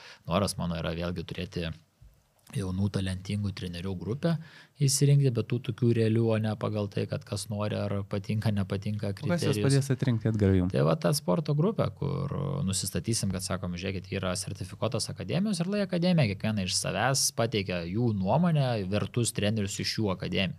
Ir tada federacija mes jiems skiriam stipendijas, duodam kursus, siunčiam edukuoti juos ir taip toliau. Nu, aš noriu, kad ta- iš kiekvienos akademijos būtų atitinkami prieminėjami sprendimai ir kad jie deleguotų ir taip nebus, tada myliu, nemyliu, kad čia kažkas neturėtų būti treneris paimtas į rinktinę ir taip toliau. Tai va, tokie yra būsimi projektai šitoje srityje. E, dabar norėčiau dar pakalbėti apie stadioną. Praėjo pagaliau kiek 30 metų, manau. Turim renovuotą Kauno Darius ir Gerino stadioną, kas yra labai džiugu, manau, visiems. Kokia galbūt yra, žinot, situacija su Du iš stadionu. trijų jame dar nebuvo išėjęs. Su stadionu Vilnius. Tai Tarp kitko mane, tarp kitko mane šiandien kvietė. Žalio 17-16 val. Lietuva, Bulgarija, prašom, Būsiu pirmą kartą. prašom apsilankyti. Jo, iš Nebėra tikrųjų- bilietų prezidentė, jau viskas. Yra, yra. Yra dar. Meluoja, kas sako, kad nebėra. O yra, yra. Perka normaliai bilietus. Šiandien dienai parduota yra 3000 su trupučiu. Nu, aš tik O pasakysiu, kad kai jūs matysit, jau bus gerokai daugiau. Aš taip spėju, nes Šiandien mes turim gegužės 24. gegužės 24 filmuojam jo. Tai iš tikrųjų jo, yra parduota 3000 bilietų, yra akademijoms išdalinta kvietimų, tai su visais kvietimais turime apie 6000, tai tikiu, dar diskutuojam vėlgi gal padaryti paskutinę minutę tam tikras korekcijas ir padaryti galbūt koncertą dar šalia to, nes yra ketvirta valanda, kad šeštadienio vakarą galėtų praleisti žmonės stadione, yra tokių dar minčių pagalvoti. Foje gros. Jo, arba mamatos. Mamontovas čia gros. Ai, bet jis nesakė, kad vienas koncertas per šiais metus. Tai va, tai su stadionais Bet ar, ar, nebaisu, ar nebaisu, kad uh, aš grįžtų į praeitus metus į taurės finalą, ar ne, kai e, išparduotas stadionas, bet tada pradedi bijoti, kad dalis žmonių pirko ne į futbolą bilietus, o į koncertą. Tai va čia ta diskutuotinas momentas ir yra, ar daryti grinai tik tai futbolą ir palikti ir pažiūrėti, kiek realiai yra, ar pabandyti pritraukti daugiau žmonių ir taip toliau. Tai dar neapsisprendžiam iki galo, šiandien yra konceptas padarytas taip, kad bus tik tai rungtynės, taip, ten kažkoks didžėjus, muzika apšilant ir taip toliau, nieko ypatingo šau nebus. O ar priimsim paskutinę minutę kažkokį Nu, sprendimą? kas galėtų koncertuoti, jeigu jau taip... Tai 6-9 dangui, nu tai Kaunas. Ne, to, to, to, to topinės, sakykime, grupės, kurios yra, bet vėl, nu, skaičiuoja, ar verta tiek ir taip toliau, nes kad jos arba jie, kad dainuotų ir koncertuotų, tada tu turi sudėlioti atitinkamą techniką, atitinkamą LED ekraną ir taip toliau. Ir, tada Ir, ir, daug, ir, ir tada dar viena problema pasidaro, tik finalinis švilpukas reikia iškart juos. Taip ir jungti. nei daug, nei mažai koncertą suorganizuoti arba surenkti minimaliais kaštais kokie 30 tūkstančių kainuos. Tai tada tu vėl skaičiuoji, turi neparduotus 5 tūkstančius bilietų, žiūri, kad tada tos 30 tūkstančių kompensuotis tu turi 6 eurus ant ateinančio žmogaus, nu ir tada visą, kas lieka ir padarai šventę. Tai tokių niuansų yra diskutuoti, nugrįžti prie stadiono klausimo. Tai iš tikrųjų praėjusiais metais, kada Kaunas atsidarė ir buvo pirmosios rungtynės, turėjom svečių delegaciją. Pietavom ir kalbam, sako, o pagaliau turit stadioną, 30 metų statėt, sako, tą nacionalinį savo stadioną ir pastatėt, sakau, ne, ne, ne, jūs nemaišykit, sakau, mes to 30 metų, kur Čia ne- ne statom, dar Lietuvos statom. žmonės buvo, Ne, ne, ne? ne, ne, jūs užsieniečiai, nes jie buvo žaidę, sakau, ne, ne, mes čia renovavom pagaliau tą stadioną. Tai, nu, vat, joko forma tokia. Ne, čia nejuokinga šiaip Bet yra. iš tikrųjų graudu, bet dėkui Kaunui, kad pagaliau priemė ryštingus sprendimus, pagaliau turime ketvirtos kategorijos stadioną. Laidos ne tik apie futbolą remėjai. Belmontas, Sibet, Vad Electrical. Politika pagal visą mūsų strategiją mes norim turėti 3 ketvirtos kategorijos stadionus - Vilnius, Kaunas, Klaipeda, tada yra Šiauliai, Panevežys, Marijampolė, Lytus, kur yra tarptautinių lygmenių detvarkomi stadionai ir mums pilnai Lietuvos mastu tokios vat, infrastruktūrinės bazės aukšto meistriškumo turnyrams, čempionatams organizuoti užtektų. Ir tada pagrindas, ką ir darau dabar su politikais, ką ir darau su miestų merais kalbėdamas, kad žiūrėkit, atsigręžkit į akademijas, mum jaunimui tarpę labiausiai trūksta yra infrastruktūros. Mes turim pasidarę studiją, paprastus skaičiavimus, kad apie 20 procentų tik tai yra patenkinama poreikio Vilniaus mieste futbolo norinčių tūkstančių lankyti žmonių tarpe, jaunimo tarpe. Mes neturime infrastruktūros. UEFOS skaičiavimais Lietuvoje, kas 50 tūkstančių gyventojų turėtų būti pilnų matmenų aikštė ir manėžas. Kiek mes Vilniuje, kiek mes Kaune turime. Taip, pagaliau miestai atsigrėžė, kai buvo statomi arenos tuose miestuose, dabar pagaliau pradeda ateina tas futbolo metas, dėl ko yra labiausiai smagu ir tikiu, kad 3-4 metai atsiras tinkama infrastruktūra. Mūsų pagrindinis kaip federacijos tikslas padėti, kad akademijos turėtų savo nuosavus namus, savo nuosavą bazę. Buvom Lisabonai, Benfico stadionas. O ne tik, kad stadionas pati akademija. Nu, kosmosas. Nu, Lietuva niekada to Taip norėtųsi neturės. paimti čarterinį skrydį visus politikus, visus, kurie bent kažkiek galėtų prisidėti, nuskraidinti ten ir parodyti, kai tu eini ir sakai, kiek vaikų pas jūs yra 150 tų talentingiausių akademijos auklėtinių, kada tu matai, kokią infrastruktūrą jie turi, ne, ne, sakom, mes dar šalia dasipirkom 17 ar 18 hektarų ir tam bus dar atitinkamai aikštynai sukurti. Tada tu supranti, kodėl tai yra viena iš geriausių Europos vedančių akademijų jaunimų tarp. Biudžetas metinis 25 milijonai ir Tai be to mes nieko nepadarysim. Imkim vėl ką ir pasmerus tą jau melodiją mintinai žinoma, nu, paskaičiuokim, kiek Lietuvoje trunka vaikui futbolo sezonas. Nu, tai yra labai nedidelė gerai, jeigu dabar tie orai, tos klimatinės sąlygos keičiasi, jau tos žiemos nebe tokios, kokios buvo anksčiau, kelios akademijos Vilniuje ir Kaune žiemos metu treniravosi laukia, bet iš principo kiek būdavo, kad 3-4 Tai kelias 5 prezidentė. Ne kelias treniravosi laukia. Nes sąlygos kokios, o taip jeigu inirtingos mamos arba tie tėveliai, kurie nenori savo vaikų leisti arba patys vaikai išpopinti, jie tiesiog tokios infrastruktūrinėse sąlygose ir situacijose net nenori sportuoti. Ir tada mes vėl grįžtame tai, kad 3, 4 arba 5 mėnesiai išsimeta iš mūsų sezono, tada dar vasaros atostogos. Čia o yra- dar močiutės gimtadieniai. o O dar, dar gimtadienis klasioko. nu, o dar yra akademijos, kurios sako, žiūrėkit, mes vasarą norim, kodėl mes sako, taip anksti pradedam sezoną.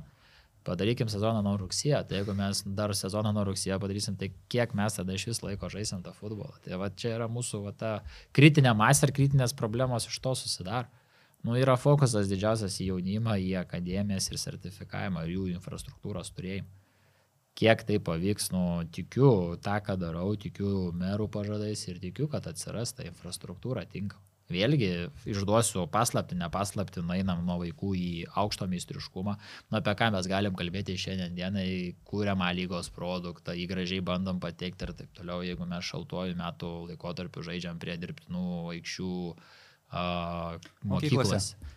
Panevežė, močiutė šulinį, semia vandenį. Telšiuose. matai, Telšiuose, laukai, Šiauliai. šiauliai.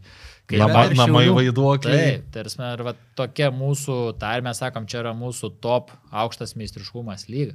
Tai siūlysiu tokį dalyką, kad šaltuoju metų laikotarpį A lygos rungtynės vyktų dviejose miestuose pagal dabartinę. Sportimą arba Marijampolė. Viskas. Jo, Nu, nėra bet aš kito manau, kad dalyko, būtų nu, jo. Užtenka, kiek mes galim. O tai taip privers, taip Kaunas, o irgi teko lankytis pas Kauno merą, statosi tikrai didelį manėžą, kuris pilnai atitiks sąlygą. Panevežys noras. Nu, va, tai jau turėti- trys yra. Panevežys, palanga, ta pati klaipėda, nu atsirado judesys. Tai va, tai priversim miestus susirūpinti, nes kada reikės telšiam važiuoti į Marijampolę ar į Vilnių žaisti, tai nebus pati maloniausia situacija. Bet jeigu kalbam apie bendrą produkto pateikimą, Ne, bendrą tai čia vaizdą, ki- tai neišvengiam. kito, kito varianto nėra. Aš kaip ir dar norėjau tą tokį klausimą užduoti, bet kaip prezidentas kaip ir atsakė, atsakė. apie jo, apie tas mūsų problemas, tai vis tiek prezidentas kaip yra nuolatinis mūsų laidos žiūrovas, jis turbūt žinot, kad galia laidos būna blitz klausimai. Bet aš dar prieš tai da, da, da, dar šiek tiek apie, apie kritiką Lietuvos futbolo federacijai ir ar praėjusiais metais, kada buvo ta tokia, kaip čia dabar tiksliau įsireiškus, lavina, kažkodėl noriu sakyti šūdų. Uh, Neapykantos. Neapykantos. Ar nebuvo tokių minčių, kad, e, nu, ta prasme, tie pinigai, kuriuos uždirbu būdamas čia, yra neverti to? Ir iš karto kitas klausimas, kokia ilga yra Lietuvos futbolo federacijos prezidento. Labai geras klausimas. Iš tikrųjų, vėl, nu, aš savęs neįsivaizduoju šiandien dienai kitur nei sporte, man tas sporto verslas, sporto vadyba yra nuo mažens ir aš kaifuoju, jeigu taip galima pasakyti, nuo to atmetus visas niuansus, kas buvo praeitais metais, tai buvo istoriniai metai, kada iš tikrųjų daug visko kainavo, sveikatos nervų ir bemėgių naktų ir tą situaciją nenorėčiau palinkėti, kad jinai kažkam atsitiktų, iš tikrųjų buvo ką veikti atlaikyti visą tą politinį spaudimą ir tą visą organizacijos polimą, kada iš tikrųjų buvo daug problemų su darbuotojais, kada tu turėdavai pastojus su jais komunikuoti ir aiškinti situaciją tęsim veiklą, ar žmonėm ieškotis darbo, ar žmonėm ieškotis kitų veiklų ir taip toliau. Tai iš tikrųjų buvo, buvo ką veikti, teko dalyvauti dabar sporto federacijų sąjungos susirinkime. Sako, gerai, pas jūs yra biudžetai, jūs esate dideli, pas jūs yra rinka, didelės tarptautinės organizacijos su UEFA, FIFA, bet jeigu tai būtų pasielgta su bet kokia kita sporto federacija, Būtų suėdę. Būtų realiai viskas kiek reikėjo teisinių paslaugų pirkti, naktim sėdėti prie įstatų, naktim sėdėti prie atsišaudimų su politikais ir taip toliau. Tai, tas periodas buvo labai labai vietoj to, kad tu turėtum kitą veiklą ir ieškoti dialogą. Tai pavyko tą situaciją visą suvaldyti be didesnių pasiekmių. Tikiu to testinumu, o dėl to, vadinkim, uždarbio, tai kaip kam, vienam 2000 yra daug, kitam 10 tūkstančių yra mažai ir taip toliau. Verslė aš galvočiau su savo uh, praleidžiamų laikų darbe, kiek laiko tu skiri šitai veiklai, tai uždirbtum tikrai daugiau, bet man sportas yra pridėtinė vertė. Augau kaip asmenybė, ryšiai, kontaktai, dirbdamas privačiam verslė tu nebūsi, kitas dalykas, tie tarptautiniai renginiai arba bendravimas tarptautinių organizacijų lygmenių yra ta pridėtinė vertė šiandien. Bet aš, aš klausiau ne iš, nu, ne iš tos pusės konkrečiai piniginės, bet galva savo tai duoda. duoda. Nu, ir sako, ar uh, Ar, ar tikrai man verta čia būti? Buvo klausimų tokių, ar... ar... Buvo, bet vėl, nu, nu nepasiduosiu, kol aš čia esu, aš eisiu iki galo ir aš noriu įrodyti, kad ir aš paprasčiausiai tikiu, kad ateina mūsų laikas. Aš matau, kur eina kitos sporto šakos Lietuvoje, aš matau masiškumą, mes esame numeris vienas ir laiko prasme atsiranda infrastruktūra ir užsikurs futbolo sistema lyginant su kitomis sporto šakomis yra toli, toli nuėjus ir pažengus ir kaip tu matai, kaip yra sudėliota, ar kaip viskas veikia tarptautiniu lygmeniu, tu galvoji, kad vieną dieną tikėsi bus, kad kažkas panašaus ir Lietuva, ir tada viskas susikurs. Ir tada bus smagu, kad tu buvai viso to dalis, kada viskas prasidėjo. Aš dabar jaučiu, kad yra tas būtent lūžio taškas, lūžio momentas, kada mes esam teisingam kelyje. Kol aš čia esu, kaip, kaip įsivaizduoju, kiek Edgaras Tankievičius bus LFF prezidentas? Nežinau, nežinau. Nu, bet e, nėra. Pagal dabartinius įstatus negali tas pats žmogus būti ilgiau negu dvi kadencijos iš eilės, tai jeigu išbūtų būtų maksimaliai 8 metus, tada turėtum pagal dabartinius galiojančius sporto įstatymus. Pabūti generalinius. Negalėtum. Mes dabar pasidarėm taip, kad rotacija tarp pozicijų yra negalima ir taip toliau, bet vėl aš manau, kad sporto įstatymas iki to laiko bus keičiamas, peržiūrimas, nes nu, nemanau, kad tai yra teisinga 8 metai tarptautiniu mastu yra 12 metų, tai realiai turėtų būti taikomas, nors čia ar būsi metus, ar du, ar tris, nu niekada tu negali žinot, matom, kiek mes turim krizinių situacijų, matom, kiek mes turim iššūkių ir taip toliau, tai yra gyvas organizmas ir tu dirbi. O kiek, kiek išbus, nežinau, nuo 16 metų, tai jau kiek, jau 7 metai praktiškai vasara bus Liepos mėnesį, berots pasijungiau, tai jau, jau yra nemažai. Jeigu tai čia jau artėja tas laikas, arba atėjo tas laikas, kai... Čia da, ilgiausia da, da... organizacija, kurioje esu išdirbęs vieną, nu, per vieną laiką, sakykime. Tai. Okay, e, tai dabar jau arba artėja tas laikas, arba jau atėjo tas laikas, kai dabar, dabartinė federacija nebe, nebegalės sakyti, kad uh, blogi rinktinės rezultatai yra senų federacijų palikimas realiai ateina ta karta, su kuria mes siekiame ir jeigu pabaigus mano, vadinkim, kadenciją ryčios eiti į antrąją kadenciją, tai jau bus mūsų vaisius. Jau negalės sakyti, tie prieš dešimt metų tą ar tą padarė ar taip toliau, bet nu, aš tikiu, kad mes esam geram keliui ir priemėm atitinkamus gerus sprendimus, o kad gali būti dar geriau, tai taip. Dėl to reikia dirbti dieną iš dienos ir nepleistų pozicijų. Anderlechtas, techninių direktorių atsiradimas, sertifikavimas, nu niekada to anksčiau nebuvo. Tas pats techninis departamentas, tiek trenerių dirbančių dieną iš dienos federacijos, nu niekada nebuvo. Aš, kai atėjau į federaciją dirbti, trenerių personalas buvo tikrai mažas, o kitas dalykas, techninis departamentas buvo vienas arba pusantro žmogaus Tatkevičius ir kiti keli kolegos. Viskas.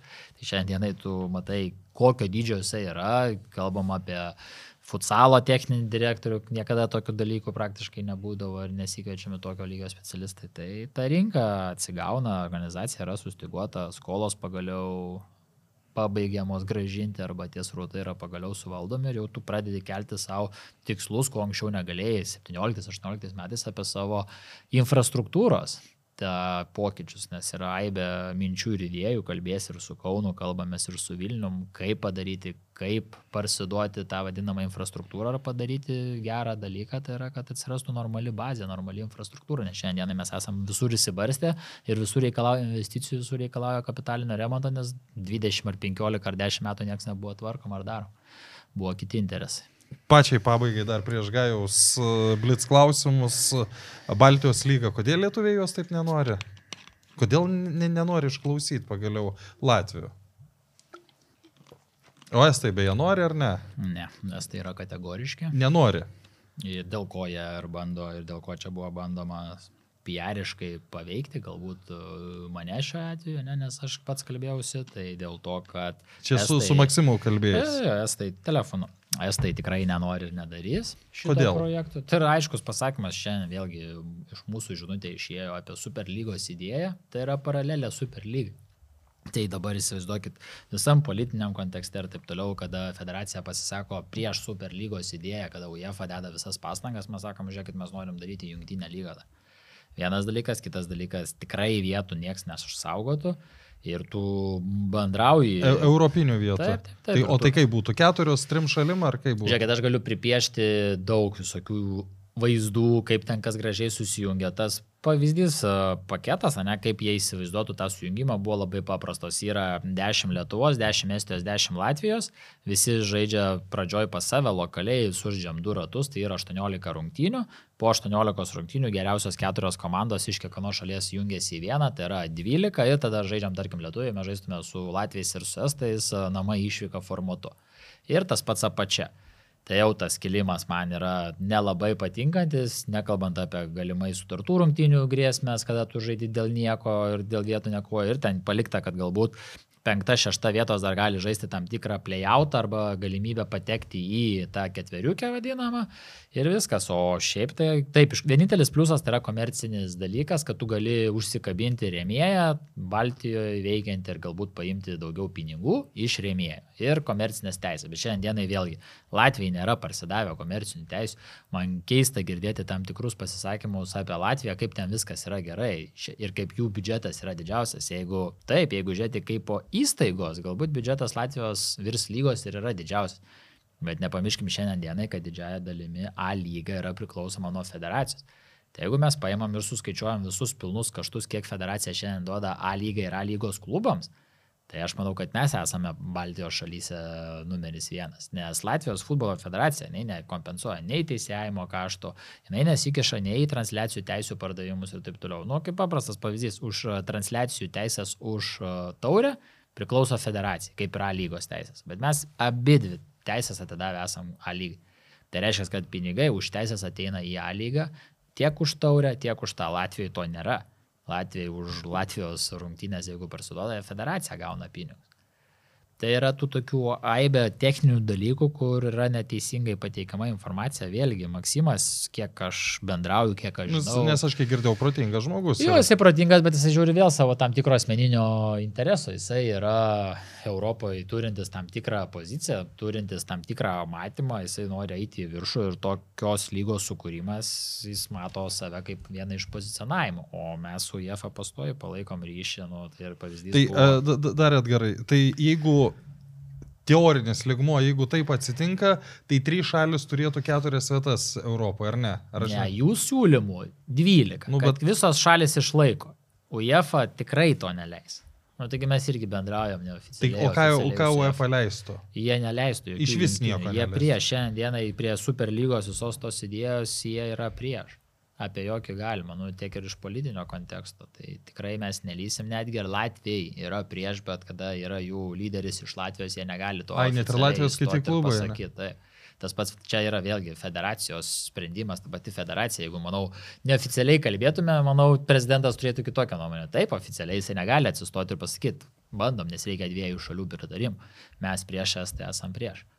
Buvo situacija 2-3 metai atgal, kada bandė pristatyti tą pačią Baltijos lygos idėją, tai klubai net neįtraukė į valdybos posėdžio darbo atvarkę, net nenorėjo girdėti iš karto Nes? reakciją. nu, turi savo argumentus, tos pačius, ką aš vardinu, kad ne, nes mes einam per nacionalinį čempionatą ar per nacionalinį čempionatą iškovojamas vietas, pakilimas iš apačios į viršų ir taip toliau. Nu, tai yra futbolo fenomenas. Nenorim greuti sistemos, kuri veikia. Taip galim kalbėti apie tam tikrus komercinius produktus prieš sezoną, kai aš sakiau, darom šito- Baltijos turnyrą prieš sezoną. Kada arba Baltijos super taurę galbūt net galim sugalvoti. Kada Lietuvos, Latvijos, Estijos ar trys klubai ar šeši klubai sustinka turnyrė. Jo, teisingai, tegul žaidžia prieš e, tarp sezonį sausio vasario mėnesį Bet Baltijos čempionatą. Lietuvoje yra Lietuvos čempionatas ir jisai mums yra prioritetas. Viskas. Iš, iš, iš Jau tau išaiškina viską, Jo, aišku. viskas. Tau ta Baltijos lyga, matau, labai įstrigo, tu Ne, nedalyvavęs. aš manau, aš manau, ką nedalyvavęs. Dalyvavęs, ne? Aš Nu. irgi dalyvavęs, važiavau. Žaidžiau ir Ventspilį po aš- šešias valandas. Aš tai... Vaikų čempionate vėl kita situacija. Ten yra sveikintinas dalykas ir viskas Tai yra. ten tai gerai. labai gerai šiaip yra. Ten idealu. Ir kuo labiau plėstųsi, kuo daugiau ateitų rėmėjai norinčių save pozicionuoti per vaikų prizmę. Viskas yra gerai, bet kada einam į Europą ar einam į aukštą meistriškumą, tai turim likti lokaliam lygmenį ir neusidaryti. Supratai? Aiškiai. Dabar pažiūrėsim, ar prezidentas mane supras. O, pabandysim, kiek leis galimybė šiandien jau kalbos. Koks jūsų nuomonė yra didžiausias jūsų pasiekimas? Čia kur? Asmeniniai karjeroje. Kaip jūs įsivaizduojat? Jau galite atsipalaiduoti. Čia ilgai.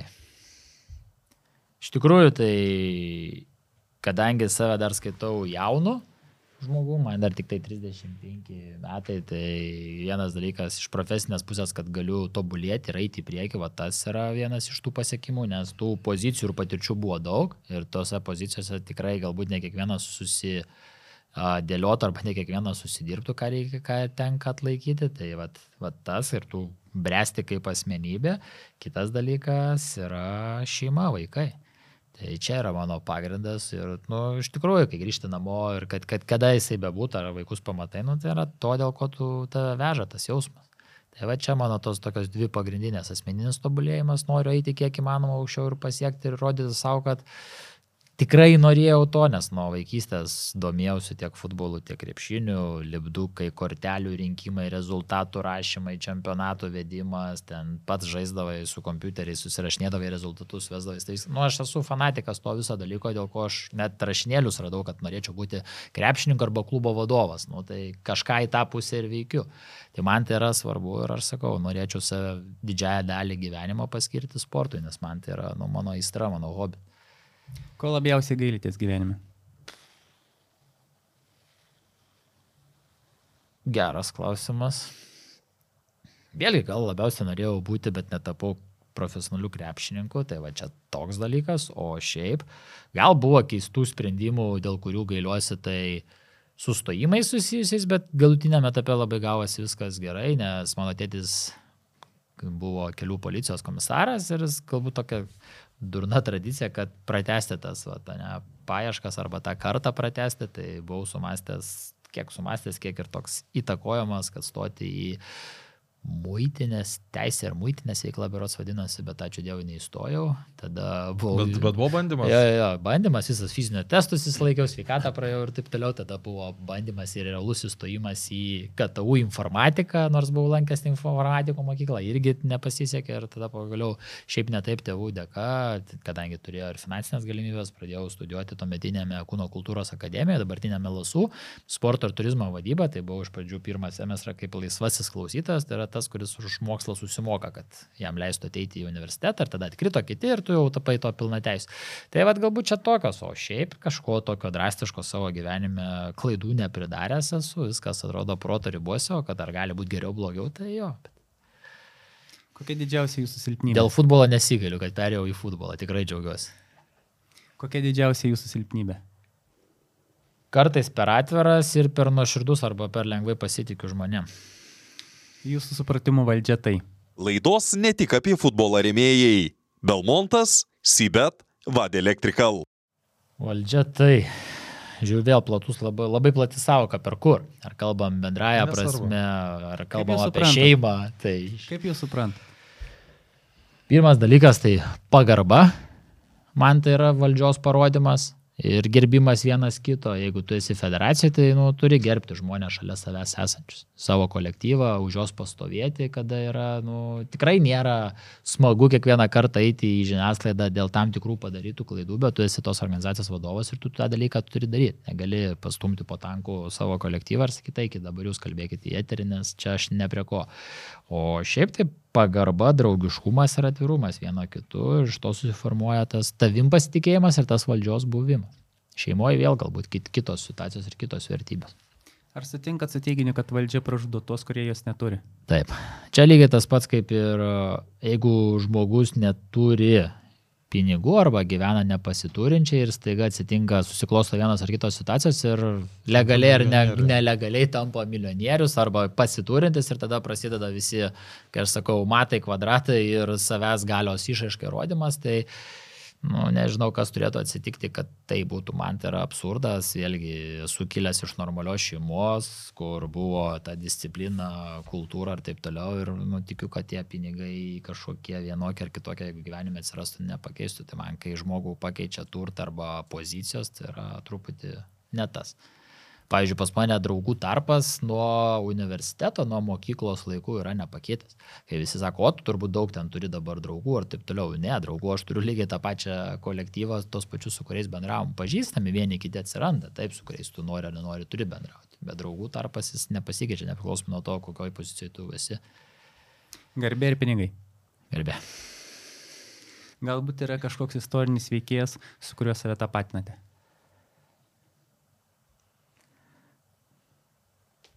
Kai buvau vaikas, tai lygiavausi arba didžiavausi Jordanu, Kobe Bryantu, tai čia man buvo kažkas tokio, ar ten Šakilas Onilas, o šiaip žiūrint iš kažko labai tokio didelio idealo, ne, vėl stebi situaciją ir atsirenki vieną kitą žmogų arba jo bendravimo subtilybės arba tam tikrus priimamus sprendimus. Kokią žmogiškąją savybę jūs vertinate labiausiai? Atvirumą. Kodėl kinai suvalgo daugiau ryžių negu japonai? Geras klausimas. Nes jų daugiau. Teisingas atsakymas, prezidentė. Ir paskutinis klausimas pas mus būdavo visada sutikęs Leonelį Mesį. Ką jam pasakytumėt, bet jums leidęs aš jums užduosiu kitą gerai. Sutikęs Zepą Blaterį, ką jam pasakytumėt? O, kad labai geras filmas buvo ir labai gerai išpažintis buvo FIFA uncovered. Ne, iš tikrųjų nesu sutekęs Zepo, bendrauju su dabartinė valdžia, yra neformalioje aplinkoje po vieno ar kito kokteilio pabendravę, kaip tais laikais būdavo, tai iš tikrųjų yra niuansėlių. E, Šiandien pas mus laidoj Jeigu buvo... dar pabaigai tokį vat sperliuką, tai Nu, anksčiau pavadi, pavadinimui. Jeigu anksčiau, Antraštėj. jeigu anksčiau važiuodavai į kongresą ir tu žinodavai, kad tavęs laukia atitinkama dotacija ar kažkas, tai nu, visi norėdavo važiuoti ir taip toliau. Šiandien tu važiuoji labai ramus, nes tu žinai, gausite kokią Adido kepurėlę, krepšį, kuprinę, geriausiu atveju ekipiruoti ar ten kėdus. Nu ir viskas, anksčiau ant to sistema buvo pastatyta, taip veikia ir iš tikrųjų tas va, FIFOS parodimas veido per Netflixą, kas buvo, čia ne reklama, bet verta pasižiūrėti, kas nematė, tai sudėlioja visus taškus ir kaip ta sistema veikia. Dabartinė vadovybė tikrai yra įsiskaidrinusi ir įsivaliusi, tai pastebiu, o vėl kas yra iš tų senųjų laikų, kai papasakoja tos niuansus, tai būdavo, būdavo, ten turi reikalų daug. Aš dar pabaigai vis tiek norėčiau, vis tiek mus žiūri daug futbolo turbūt bendruomenės žmonių, bent jau aš gaunu nemažai žinučių, nežinau kaip taurimai. Man tik krepšinio bendruomenė. A, tai aš norėčiau pasakyti, kad tai visam bendram Lietuvos futbolui, kad būkim vieningi, eikim link to, kad e, mes eitumėm į viršų, padėkim vieni kita, kitiems, nepavydėkim, mylėkim vieni kitus, susitelkim ir e, atlikim kuo nuoširdžiau savo darbą. Aš labai noriu tikėti, vat, ką prezidentas pasakė, kad jis irgi labai nuoširdžiai atlieka savo darbą ir darbai ir kad pagaliau mes galėtumėm pakilti nuo vaikų iki nacionalinės rinktinės. Tiesiog būkim vieni kitiems visi geresni, taip kaip a, buvo mano nelaimė, kaip padėjo federacija ir žmonės, visi futbolo bendruomenė įrodė, kad mes galim susijungti ir aš norėčiau, kad mes būtumėm tokie pat vieningi, keliant Ne- Lietuvos. Nelaimės atveju. Jo, keliant Lietuvos futbolą. Kad nereiktų nelaimės, kad susivienytume. Jo, kad keltumėm Lietuvos futbolą į viršų, tai šiandien svečiuose mes turėjom vieną geriausių NBA krepšininkų Lietuvos futbolo federacijos dabartinį prezidentą Edgarą Stankievičių, mano kolega Aurimas Budraitis, sportiniai formoj Humelis, pasiruošęs visada, Ir, ir, nenugarimas. ir taip iki čempionų lygos grupių turnyro neužaugęs Gajus Kulbis. Visą gerą. Ačiū Jums už pakvietimą. Sybet, lošimo automatai, lošimo automatai, lažybos, lažybos, ruletė, ruletė, Sybet, nesaikingas lošimas gali sukelti priklausomybę.